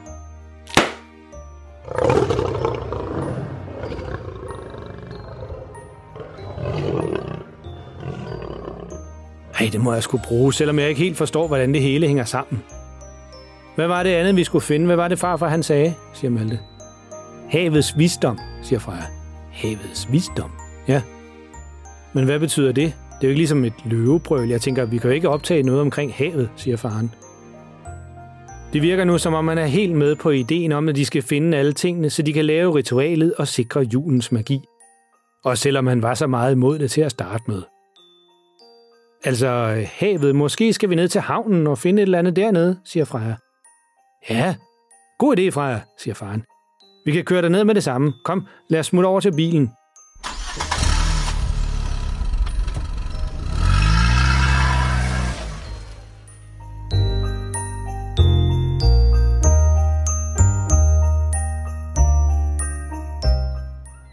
Det tager ikke mange minutter at køre ned til havnen lige uden for Nørregård. Det er en lille havn, men der er altid masser af liv dernede, og i dag er ingen undtagelse. Selvom det er midt i december måned, og det er meget koldt, så er der mange skibe, som ligger nede i havnen, og et par af fiskerne går rundt og er i gang med at gøre skibene klar, eller ved at reparere et eller andet på dem. De står ud af bilen og kigger sig lidt omkring. Altså, hvis de skal finde noget visdom om havet, så skal de vel snakke med nogen, eller finde en bog, eller noget i den retning. Altså, jeg var jo lidt af en fisker, hvis jeg skal sige det selv, dengang jeg var dreng. En gang så fangede jeg en fisk, der var så stort. Ja, ja, far, afbryder Freja, som kun alt for godt husker, hvordan det gik til, dengang de var på fisketur sammen, og faren han faldt i vandet. Men det er som om, han ikke rigtig selv husker det. Vi skal nok prøve at finde nogen, som kan hjælpe os i stedet for, fortsætter hun. En ældre fisker kommer gående med en stor kasse i armen på vej over til sin båd. Hvad med ham der, siger Malte og peger på sømanden. Måske kan han hjælpe os. Ungerne begynder at gå ned mod målen, hvor sømanden er, men faren han bliver tilbage og har slet ikke lyttet efter. Han er stadig med i gang med at fortælle om hans store fiskeeventyr. Ja, det var jo noget af en kæmpe fisk, jeg fik på krogen, så det var bare et spørgsmål om, hvem der var stærkest. Altså mig eller fisken. Og faren forsøger at vise sine muskler. Men det ved vi jo alle sammen godt, hvem det er. Så nogle muller her, den kan man ikke løbe om hjørner med. Og faren han kigger sig omkring for at se, om der er noget, han kan bruge til at fange havets visdom med. Måske er der en fiskestang, han kan bruge. Visdom mig her og visdom mig der. Jeg skal vise dem, hvem der har forstand på havet, skal jeg. Men som altid, når faren han skal vise sig, eller påstår, at han har styr på tingene, så går det helt galt. Han ser sig ikke rigtig for, men som går og kigger efter en fiskestang og snakker med sig selv, så han mister balancen og ryger direkte ud over kanten på målen. Han når lige med hænderne at gribe fat i kanten, men hans fødder ryger direkte ned i det iskolde vand. Uh, det er koldt det her, råber han. Freja, Malte, kom og hjælp mig op. Freja og Malte var lige kommet hen til en af fiskerne på molen, men havde ikke noget at snakke med ham endnu. Sammen løber de alle tre hen for at få faren op på land igen. Det er svært, men med sømandens hjælp så lykkes det. Faren sidder nu på målen med drivvåde fødder, og hans tænder klapper helt vildt. Vi skal hurtigere varme i dig igen, ellers så bliver du syg, min unge mand, siger den gamle fisker, som hjalp med at hive faren op. Og sammen går de over til hans båd, som ikke ligger så langt derfra. Kom indenfor alle sammen, så fikser jeg noget varm kakao til os alle, siger han. Tag den her, pas på, den er varm, siger sømanden, mens han rækker faren og begge unger et krus med kakao. Det dufter utroligt dejligt, og de puster alle sammen lidt, før de forsigtigt tager en mundfuld. Du skal have dine våde sko og sokker af, siger han til faren, og faren gør, som han får besked på. Og så tag det her tæppe om fødderne, indtil du har fået varmen. De sidder stille og drikker deres kakao, og ingen af dem siger noget. Sømanden han rømmer sig. Hvad bringer jeg egentlig hernede på havnen i december? Jeg regner ikke med det for at fiske, selvom det var det, jeres far forsøgte lidt på. Øhm, starter Malte. Ja, det er sådan lidt en lang historie.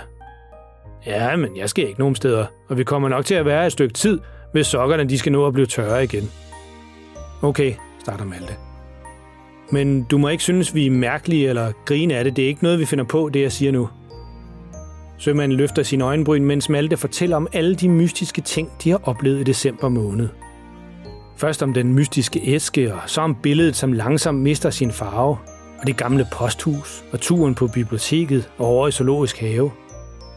Men det mest mærkelige er, fortsætter Malte, er de ting, vi skal bruge for at lave ritualet. Vi skal bruge en løvens brøl, det tror jeg måske, vi fik fat i i går. Og så skal vi bruge havets visdom. Siger det der noget? Sømanden han kigger rundt på ungerne og så over på faren, og så tager han en stor tår af sin varme kakao, inden han svarer. Ja, måske. Det lyder lidt som noget, jeg har hørt om før. Se, for mange år siden, længe før nogen af jer nogensinde var blevet født, så var der jo ikke opfundet GPS og sonar og radar og alle den slags elektroniske hjælpemidler, vi har i dag.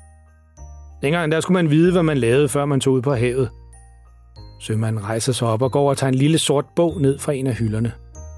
Og når de gamle sømænd de opdagede noget, der var vigtigt, det kunne være et farligt rev eller et godt sted at fiske, så skrev de det ned i sådan en bog her.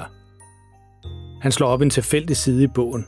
Her står for eksempel den 3. december 1911, altså for over 100 år siden. Der fandt de et gammelt skibsvrag på bunden af fjorden lige herude, og det viste sig at være et godt sted at fange fisk. Ja, det er det faktisk stadigvæk. Men det går nok ikke så længe endnu med sådan, som klimaet det ændrer sig. Må jeg prøve at se bogen? spørger Malte. Ja, min ven. Og der er meget visdom gemt i sådan en lille bog der. Det handler om at holde øjne og ører åbne og hele tiden stole på sine egne sanser.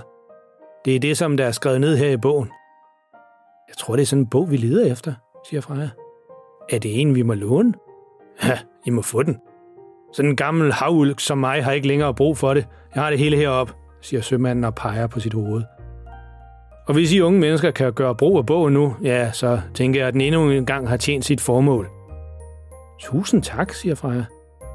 Har du fået varmen igen? spørger Malte faren, og han nikker, selvom han egentlig hellere vil blive siddende her, at den varme kan hytte lidt endnu. Så lad os smutte hjem og få sovet lidt. Vi skal tidligt op i morgen og i skole. Og så må vi snakke med farfar senere og fortælle om, hvad det er, vi har fundet.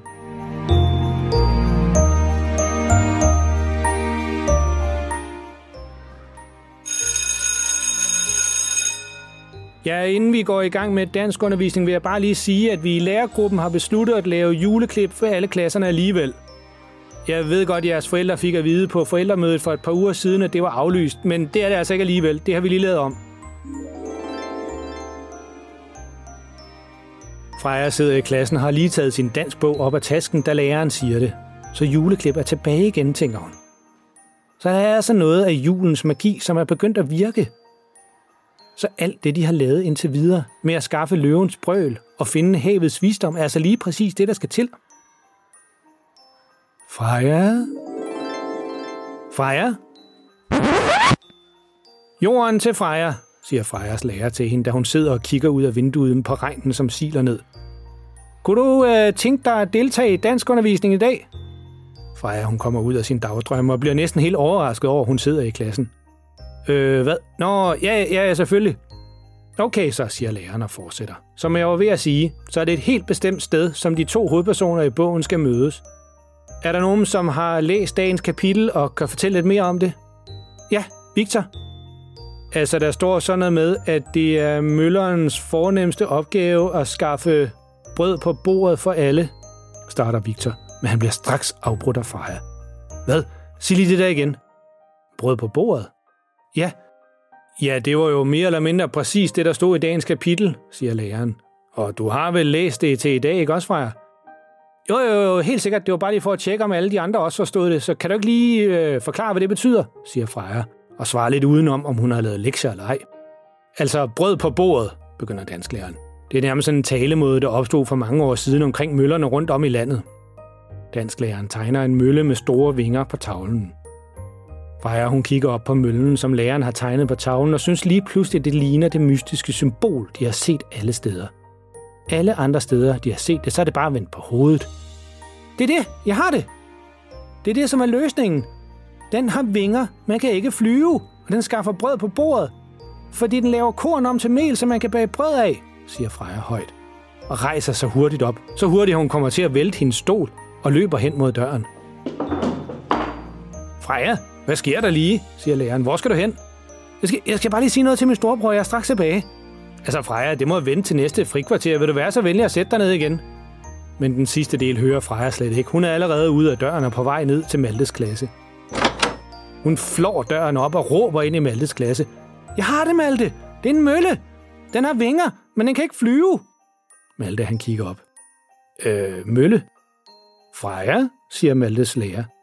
Har du i sinde at forklare, hvorfor du afbryder vores time? Øh, jeg skulle bare lige sige noget helt vildt vigtigt til Malte, siger Freja. Men jeg kunne godt se nu, at det ikke er så smart at afbryde undervisningen. Men altså, ja, så det var, det var bare det, jeg vil sige, siger hun og lukker døren og går tilbage til sin klasse. Men resten af dagen, så kan hverken hun eller Malte tænke på andet end, at hvis mølle er svaret på gåden, som der stod i bogen, hvad betyder det så?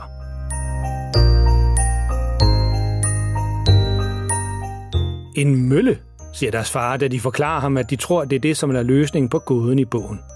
Okay, lad os lige se, siger han og åbner bogen om julens magi og slår op i kapitlet med gåden. Faren han læser det op igen.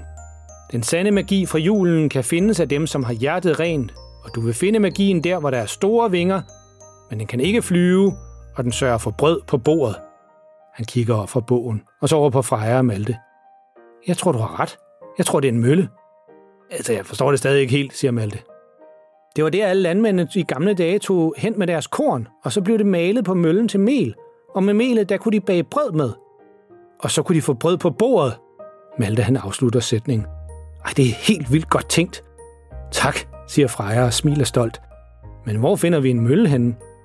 Og nu er farfar også kommet ind i stuen. En mølle? Ja, der ligger en gammel mølle lidt uden for byen. Det kan være, det er der, vi skal tage hen.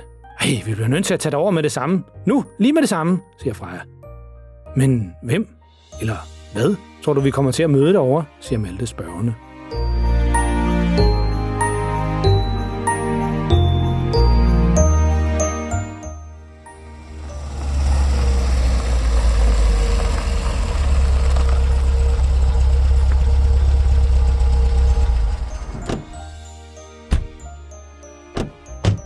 Det er den derovre, siger farfar. Freja og Malte vidste egentlig godt, der var en gammel mølle uden for byen, men de har bare aldrig været derude før. Jeg synes altså stadigvæk, det er lidt mærkeligt, det her, siger Freja. Altså, hvordan hænger det hele sammen? Jeg forstår det ikke helt. Og hvorfor skal det være så hemmeligt alt sammen? Hvis det er noget godt om julen, så kan de jo bare sige det. Alle elsker jo julen. Jeg ved det heller ikke, siger Malte. Nå ja, øh, forresten Malte, så er der juleklip på skolen alligevel. Det sagde vores lærer i går, siger Freja. Jeg glemte bare lige at sige det til dig, fordi jeg var så op og køre over det der med gåden og møllen og alt det der. Fedt, siger Malte. Men vent, først så var det aflyst, og så regnede det hele tiden i stedet for at sne. Og nu er det ikke aflyst alligevel, og det er holdt op med at regne. Betyder det så, at stille, siger Freja lige pludselig. De andre drejer omkring og kigger over på Freja. Shh, siger hun, mens hun holder en finger op for munden. Prøv lige at lytte. Musikken. Prøv lige at lytte. Så holder de alle sammen vejret for at lytte bedre.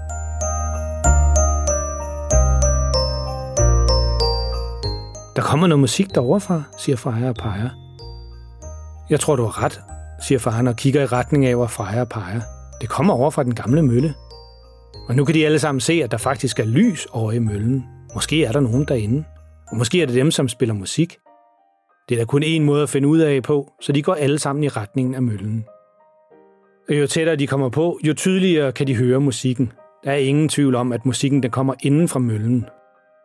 Skal vi banke på først, spørger Malte. Nej, vi ved jo ikke, hvem der er derinde, og hvad der er meningen med alt det her mystik, siger faren. Det er nok bedre bare at overraske dem. På døren ind til møllen, der er det der mystiske symbol, som de har set alle steder. Men her på møllen, så vender det ikke på hovedet, så vender det den rigtige vej. Og når man kigger på det på den måde, så er det tydeligt, at det er en mølle. Faren går op ad den lille trappe til døren ind til møllen og tager hårdt fat i håndtaget. Så kigger han så over skulderen ned til ungerne, som står nede for foden af trappen. Er I klar? Begge unger nikker, selvom det er svært at være klar på noget, man ikke helt forstår. Så trykker han ned i håndtaget og hiver døren op. Eller, han prøver i hvert fald. Døren den giver sig slet ikke. Nå, siger faren og tager endnu hårdere fat med begge hænder i håndtaget. Den skal vist have lidt mere kraft. Og så lægger han al kraften i for at få døren op. Men sådan en gammel dør på en mølle er slet ikke lavet til, at man skal hive så hårdt i den, så da han bruger begge hænder og al sin kraft, ender det med, at han rykker håndtaget helt af. Og han mister balancen og triller ned ad trappen og lander med et hårdt bump. Og nu går døren op. Ikke fordi der ikke længere er noget håndtag, som holder den, men fordi den ikke åbner udad, som faren troede, men åbner indad i stedet for. Freja og Malle træder forsigtigt hen over deres far, som stadigvæk ligger og ruder rundt nede for foden af trappen og går op mod den nu åbne dør. Da de træder indenfor, kan de se, at der ikke er nogen derinde. Der er tændt lys derinde. Over det ene hjørne, der står en lille højtaler, hvor der kommer noget hyggeligt julemusik ud af. Det er som om, jo tættere de kommer på at løse alt det omkring ritualet om julens magi, jo mere julestemning er der. Freja og Malte går indenfor og kalder tilbage mod de andre. Der er vist ikke nogen herinde. Bare kom indenfor. Måske er det her, vi skal udføre ritualet, siger farfar. Der er altid noget med, at man skal finde nogle bestemte ting hvert år, og så skal man også være et bestemt sted. Mm, men det er jo helt tomt herinde, siger Malte og kigger rundt i det store rum, som er inde i møllen. Men jeg tror, vi har fundet alle tingene, farfar, siger Freja. Hvordan ser billedet ud? Farfar han tager billedet af ham og farmor foran det gamle posthus frem. Selvom der er mange ting, der er sket, som har bragt lidt af julestemningen tilbage igen, så er der næsten ikke mere farve tilbage på billedet. Tiden den er ved at løbe ud. Magien forsvinder snart, siger han. Lad mig lige se, hvad I har fundet. Først var der det der med et løvebrøl, siger Malte og tager sin telefon op af lommen. Du skal ikke spørge om hvordan, men vi fik en af løverne i zoologisk have til at brøle helt vildt højt, og så optog Freja lyden på min mobil, fortæller Malte, og afspiller lyden af et løvebrøl fra farfar.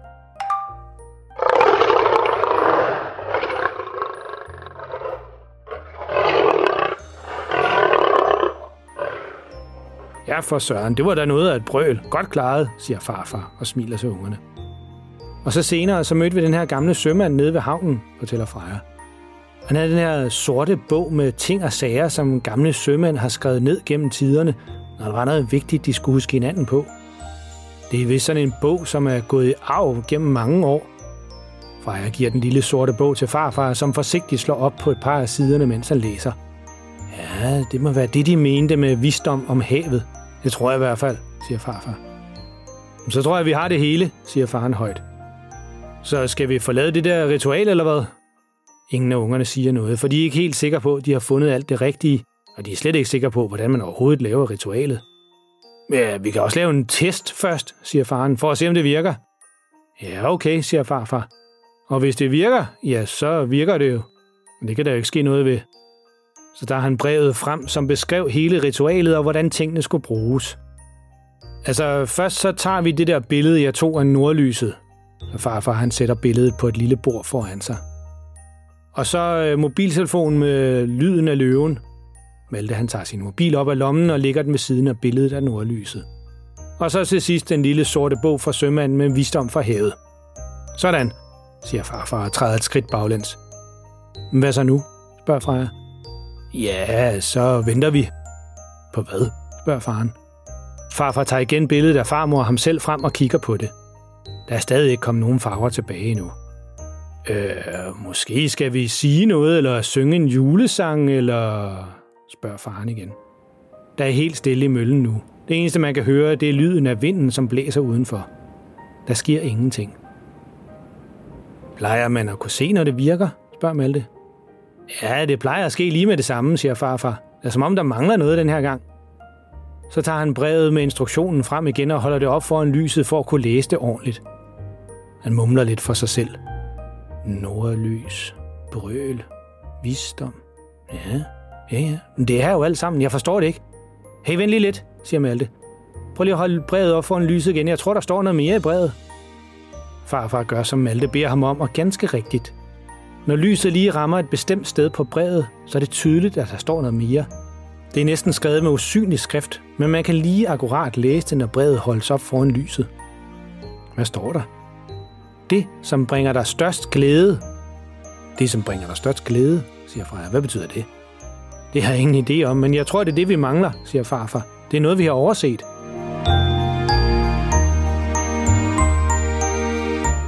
Vent, vent, vent, vent, vent, vent lige en gang, vent lige en gang, siger Malte.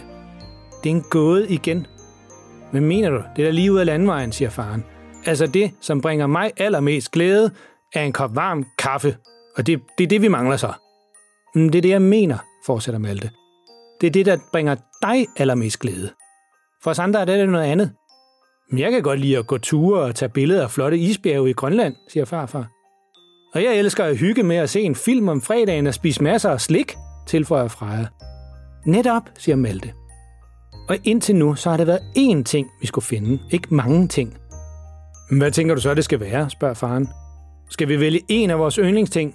Hvis vi skal det, så foretrækker jeg altså min altså en god kop kaffe. Det går man aldrig galt i byen med, fortsætter han. Og lige da ungerne skal til at sige, at de ikke drikker kaffe, så tilføjer han, ja, ja, ja, det kommer I nok også til at holde meget af, når I bliver lidt ældre. Jeg tror, Malte har ret, siger Freja. Det er en gåde. Men hvad er det, som bringer dig allermest glæde, siger far for spørgende ud i rummet.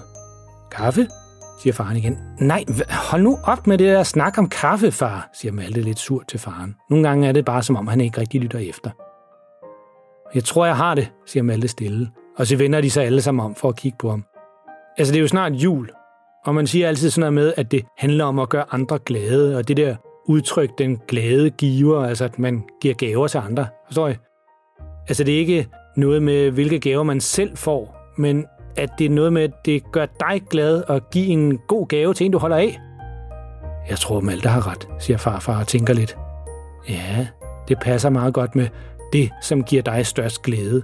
Det er at give en gave til andre. Jamen, hvem skal det være til, siger Malte. Faren han skal lige til at sige, at de kunne give en kop kaffe til ham, men han når kun lige at åbne munden, da Malte siger, ved du hvad, jeg har det. Vi køber en flot blomst til mor og en til farmor. Faren han lukker munden igen og tænker lidt, før han siger, det der Malte, det er bare sådan en fin tanke, synes jeg. Et eller andet, det har mig og mor altså gjort rigtigt med din opdragelse. Både mor og farmor, de vil blive vildt glade for en flot blomst. Ja, og vi kan vist hurtigt blive enige om, at det altid føles rart at gøre mor og farmor i godt humør, tilføjer farfar. Men hvor skal vi få fat i en flot blomst hen nu? Faren han kigger på sit ur. Klokken er allerede sent om aftenen. Vi kan jo ikke få fat i nogen blomster så sent om aftenen. Jeg tror altså ikke helt, det tæller, hvis vi bare plukker en eller anden tilfældig blomst. Og alle butikkerne, de er sikkert lukket nu. Er det helt tabt så nu? spørger Freja fortvivlet. Nej, der er aldrig noget, der er for tabt, før det er det, siger farfar. Kom, vi kører ned i byen og ser, om blomsterhandleren stadigvæk har åben.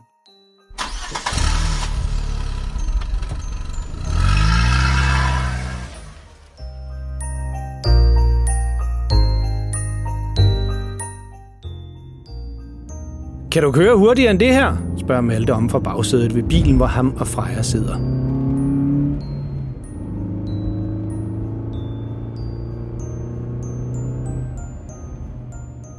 De er alle sammen hoppet ind i bilen og kører nu i fuld fart ned til byen for at se, om de kan nå at komme ned til blomsterhandleren, inden de lukker. Klokken er allerede mange om aftenen, så det er på ingen måde sikkert, at de når det. Nej, det er jo ikke nogen racerbil, og vi skal jo heller ikke have problemer med politiet, så jeg kører så hurtigt, jeg overhovedet kan, svarer faren og trykker alligevel lidt mere på speederen. Vi er der næsten. Men da de kommer ned foran blomsterhandleren, så er det tydeligt, at butikken den er lukket. Malte han løber ud af bilen og hen til døren, men den er låst. Alt lyset er slukket. Ej, altså, udbryder Malte og slår ud med armene. Hvad gør vi? spørger Freja. Ja, vi skal skaffe en blomst inden midnat, der er ikke lang tid tilbage nu, siger farfar. Hvis vi ikke får samlet alle tingene nu, så er der jo ingen grund til at fortsætte. Åh, siger Malte. Undskyld, unge mennesker. Vil I være så venlige at hjælpe mig med mine indkøbsposer? spørger en ældre dame, som stod lige ved siden af blomsterhandleren. De er så tunge, og jeg skal dem helt op på første sal. Øh, ja, ja, ja, selvfølgelig, siger Malte og går hen for at hjælpe damen. Malte, det der det vil jeg ikke tid til lige nu, siger faren. Men det kan være lige meget det hele, svarer Malte. Og medmindre I kaster en mursten gennem roden, og bryder ind hos blomsterhandleren, så får vi aldrig fat i en blomst. Faren han løfter øjenbryd. Ah, det var måske ikke nogen helt dum idé. Nej, far, siger Freja bestemt. Det var en joke, ikke også, Malte? Jo, selvfølgelig var det en joke. Kan I ikke lige finde på et eller andet, mens jeg lige smutter op med de her indekøbsposer, siger Malte og går med damen op ad trapperne til første sal. Far, far, far og Freja står tilbage på gaden ude foran blomsterhandleren og forsøger at lave en plan for, hvad de nu skal gøre. Og fordi de står med ryggen til butiksruden, har ingen af dem lagt mærke til, at ligesom Malte han gik op ad trappen med indkøbsposerne for den gamle dame, så blev der tændt en masse julelys inde i butikken. Hele facaden er nu oplyst af lys i alle farver. Freja er den første, der lægger mærke til det. Hey, prøv lige at se det her. Prøv lige at se alle de lys.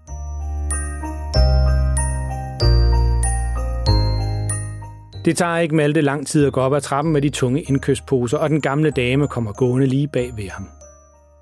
Han stiller poserne foran hendes dør. Skal jeg ikke lige bære dem helt ind? Åh, oh, vil du? Det er jo sådan en stor hjælp for mig, siger damen og går hen og låser hoveddøren til lejligheden op på første sal.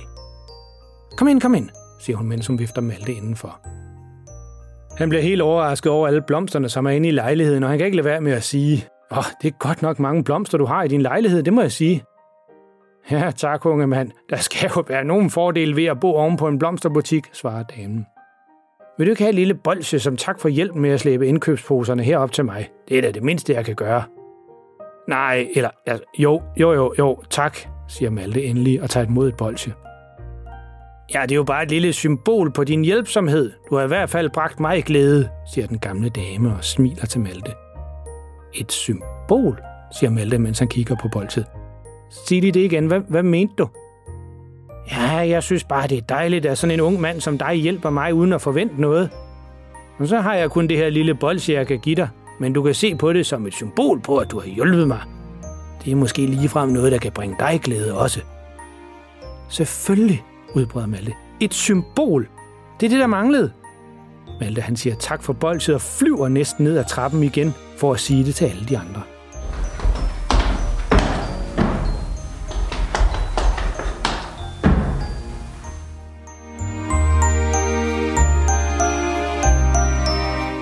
Da Malte kommer ned fra trappen igen, så står far, far, far og Freja stadigvæk og snakker om, hvordan de skal få fat i en blomst. Og det lyder som om deres planer er blevet mere og mere vilde. Altså, mens du afleder dem, så springer jeg over hegnet, mens du hiver i snoren, og så... Folkens, bare stop igen, siger Malte stolt, da han kommer helt ned til dem. Må jeg præsentere et symbol, siger Malte, og holder bolsjet op i strakt arm over hovedet på sig selv. Øh, hej, siger Freja. Men altså, Malte, vi var lige ved ikke mere snak, siger Malte, mens han løfter en finger i vejret for at få de andre til at være helt stille nu. Det her lille bolsje, som jeg har fået af den gamle dame, jeg hjalp op med indkøbsposerne, det er et symbol. Øh, okay, siger faren. Men nu mangler vi jo altså stadigvæk at få fat på en blomst til, Malte han afbryder. Det her det er et symbol på den glæde, man får ved at hjælpe andre. Glæden ved at give, glæden ved at hjælpe. Er det ikke det, vi lige har snakket om? at julen handler om at være god ved andre. Og det er det, som man får den største glæde ved. Malte, siger faren, men det lyder som om man ikke rigtig kan sige mere. Det lyder næsten som om man er blevet helt rørt af alt det Malte sagde. Far, far, far og Freja ved slet ikke, hvad de skal sige. De står bare og kigger med åben mund på Malte. Malte, han har ret. Det er lige præcis det, som julen den handler om. Jamen, har vi det hele så? siger Freja. Ja, det tror jeg. Hvem har øh, fotografiet af nordlyset? Øh, det ligger tilbage i møllen, siger farfar. Og hvad med løvens brøl? Ja, det har jeg på min mobil. Det er lige her, siger Malte. Og den lille sorte bog, den er, og så siger de alle sammen i kor, også tilbage i møllen. Var der slet ikke nogen, der tænkte på, at vi skulle tage alle tingene med, spørger faren. Jamen, vi havde jo vildt travlt, siger Malte. Og så løb vi bare ud af døren. Nå, men vi skal tilbage til møllen, og det er i dobbelt tempo. Alle løber over mod bilen, og Malte holder godt fast i bolsjet, han har fået. Spænd sikkerhedsselerne og hold godt fast på alle løse genstande. Det her, det kommer til at gå hurtigt.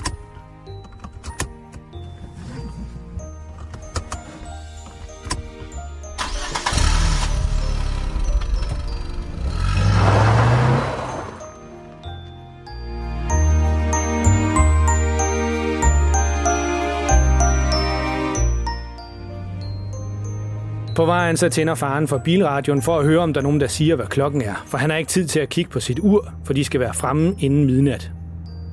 Men der er bare noget musik, der spiller. Og det er det der julenummer, som de har hørt mange gange før. Men den her gang, så lyder det næsten sådan helt normalt.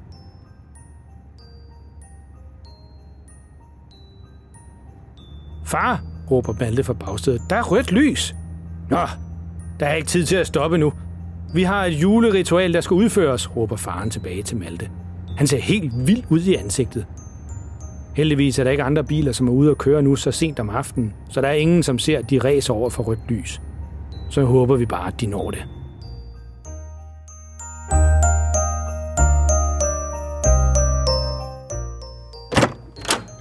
Billedet af nordlyset. Her, siger Freja. Malte han tager sin mobil op af lommen og er klar til at afspille lyden af løvebrølet. Jeg er klar, siger han. Farfaren går over til bordet, hvor han lagde den lille sorte bog for sømanden, og sammen går de med alle tingene ind i midten af møllen. De rydder møblerne ud til siden og lægger det hele ned på gulvet. Malte lægger bolset fra den gamle dame ind i midten. Er vi nu sikre på, at vi har det hele, spørger faren. Nej, men vi har ikke mere tid, så vi bliver nødt til at prøve, siger farfar.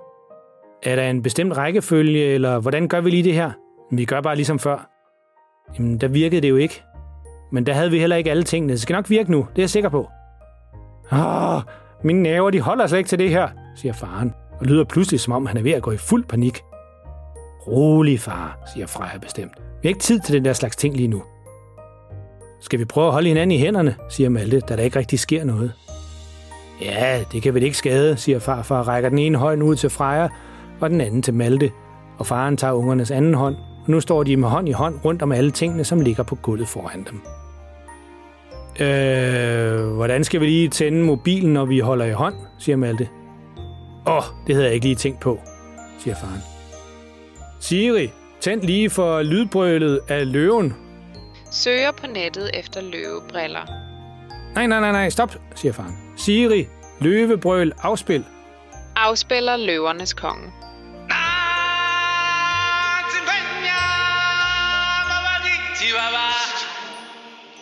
Nej, siger faren. Det virker ikke.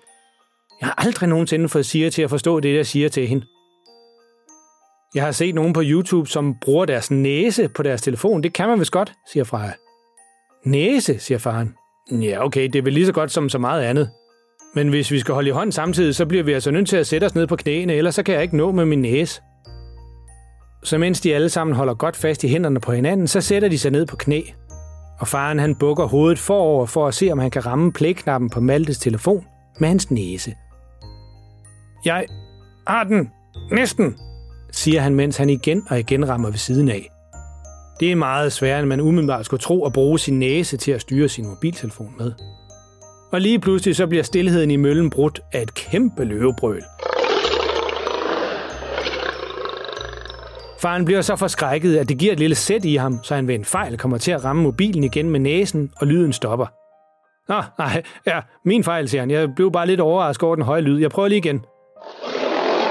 Åh, oh, nu gør jeg det igen. To sekunder. Og igen og igen, så kommer faren til at afbryde lyden.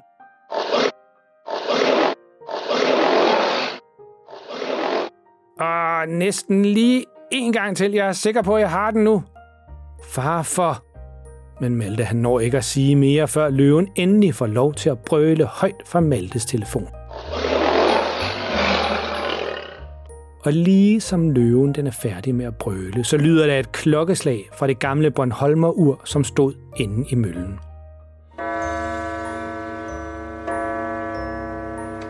De kigger rundt på hinanden. Ingen tør at slippe hænderne endnu. Tror du, vi nåede det? spørger Freja. Jeg ved det ikke, svarer Malte. Men jeg kan ikke rigtig føle nogen forskel. Faren han slipper forsigtigt fra herre Maltes hænder og rejser sig op. Mm, nå. Ja, vi gjorde, hvad vi kunne. Om det lykkedes den her gang eller ej, det er ikke til at sige.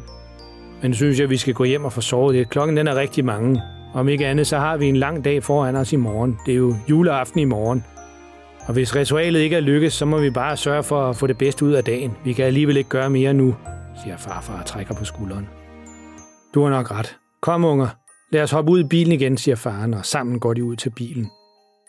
Og næsten inden faren har fået startet motoren, er både Malte og Freja faldet i søvn på bagsædet. Det var enormt hårdt at løbe sådan rundt og finde alle ingredienserne. Da de kommer hjem til huset, så bærer farfar og far dem ind i seng og siger godnat til dem. Malte, Malte, kom og se!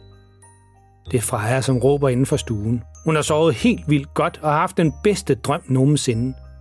Det var en drøm om julemanden og nisser og masser af gaver til alle, og det var bare helt vildt hyggeligt.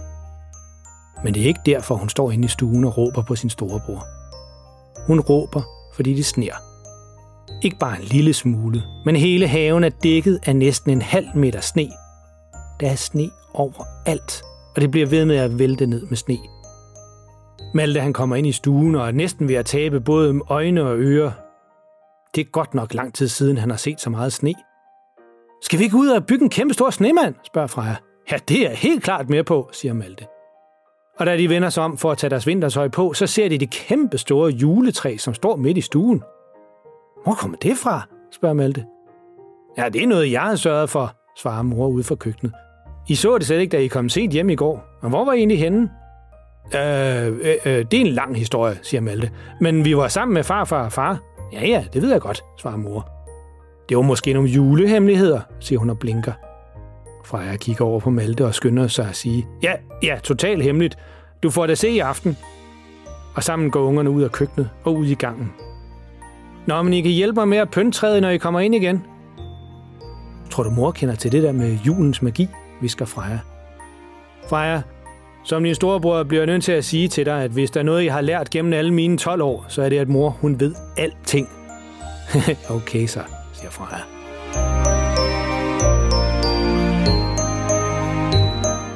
Da de har fået deres vintertøj på, så åbner de døren for at gå ud i haven og lave en snemand.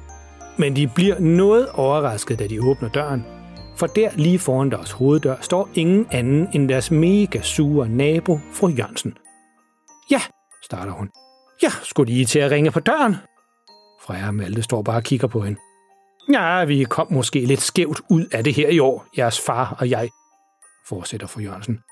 Men nu er det jo altså jul, og det er vel at mærke kun én gang om året, at det er det.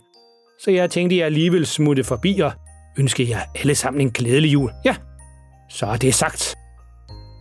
Ungerne er helt stille nu. De har aldrig nogensinde hørt fru Jørgensen sige noget pænt. Mor kommer ud til hoveddøren. Jamen, hej fru Jørgensen. Vil du ikke lige med ind have en kop kaffe? Jeg har også lige bagt nogle peberne, og så kan vi lige prøve smage dem, mens ungerne de leger udenfor. Jo, tak som byder. Det vil jeg faktisk gerne, svarer fru Jørgensen. Og ungerne går lidt til side, så fru Jørgensen kan gå indenfor og skynder sig ud i sneen. Tror du, hun er okay? spørger Freja. Mor? Nej, fru Jørgensen. Hun virker lige frem i godt humør. Malte han trækker bare på skuldrene og går i gang med at rulle en stor snebold sammen, som måske kan blive til maven eller hovedet på deres snemand.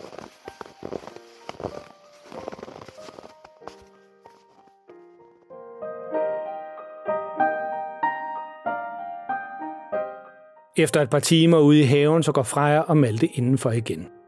De er helt trætte på den der mega dejlige måde, man bliver, når man har tumlet rundt i sneen en hel dag.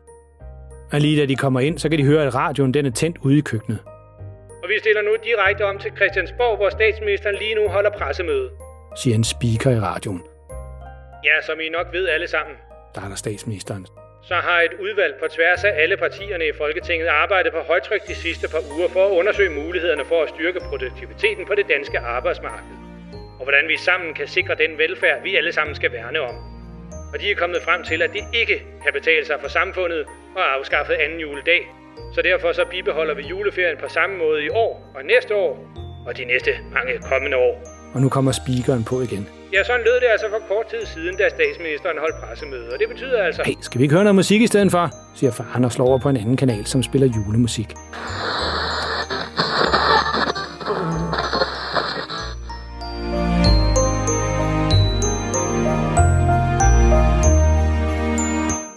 Mor hun går hen og kysser faren på kinden. Glædelig jul, skat. Og så vender hun sig om mod ungerne.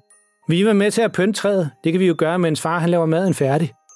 Ja, siger Freja og Malte i kor. Og sammen får de pyntet det store juletræ i stuen, så det ser helt perfekt ud.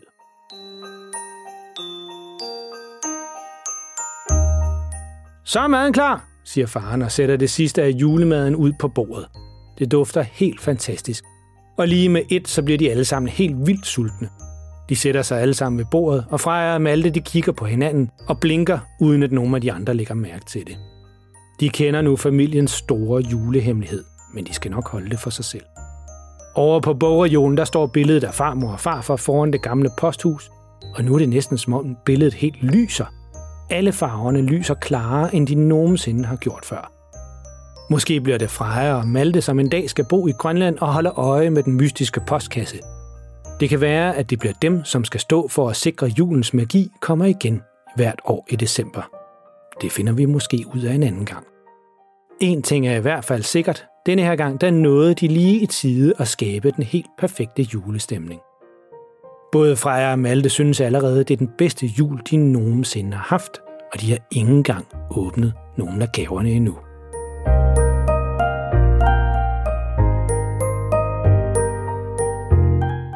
Tusind, tusind tak, fordi du lyttede med i alle 24 afsnit om historien om verdens pineste far og julens magi. Vi håber sådan, I har nyt at følge med i historien om verdens pineste far, som sammen med Freja og Malte og farfar skulle finde frem til julens magi igen. Vi ønsker jer alle sammen en rigtig glædelig jul. Pas på jer selv derude og lyt med næste gang. Og husk hold øjne og ører åbne. Man ved aldrig, om der kommer til at ske noget spændende og uventet. Hvis du ved, hvad du skal kigge efter, vil du opdage, at hele verden omkring dig er fuld af eventyr og fantasi.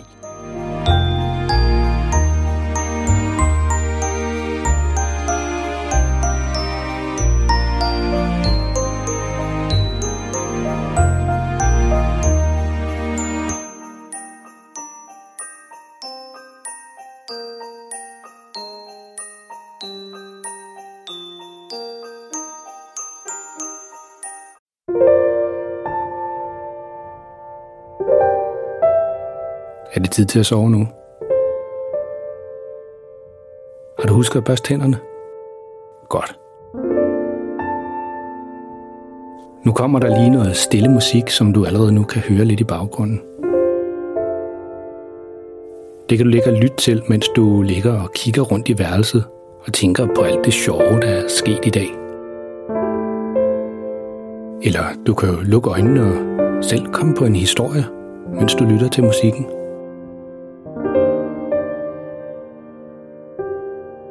Tak fordi du lyttede med. Godnat og sov godt.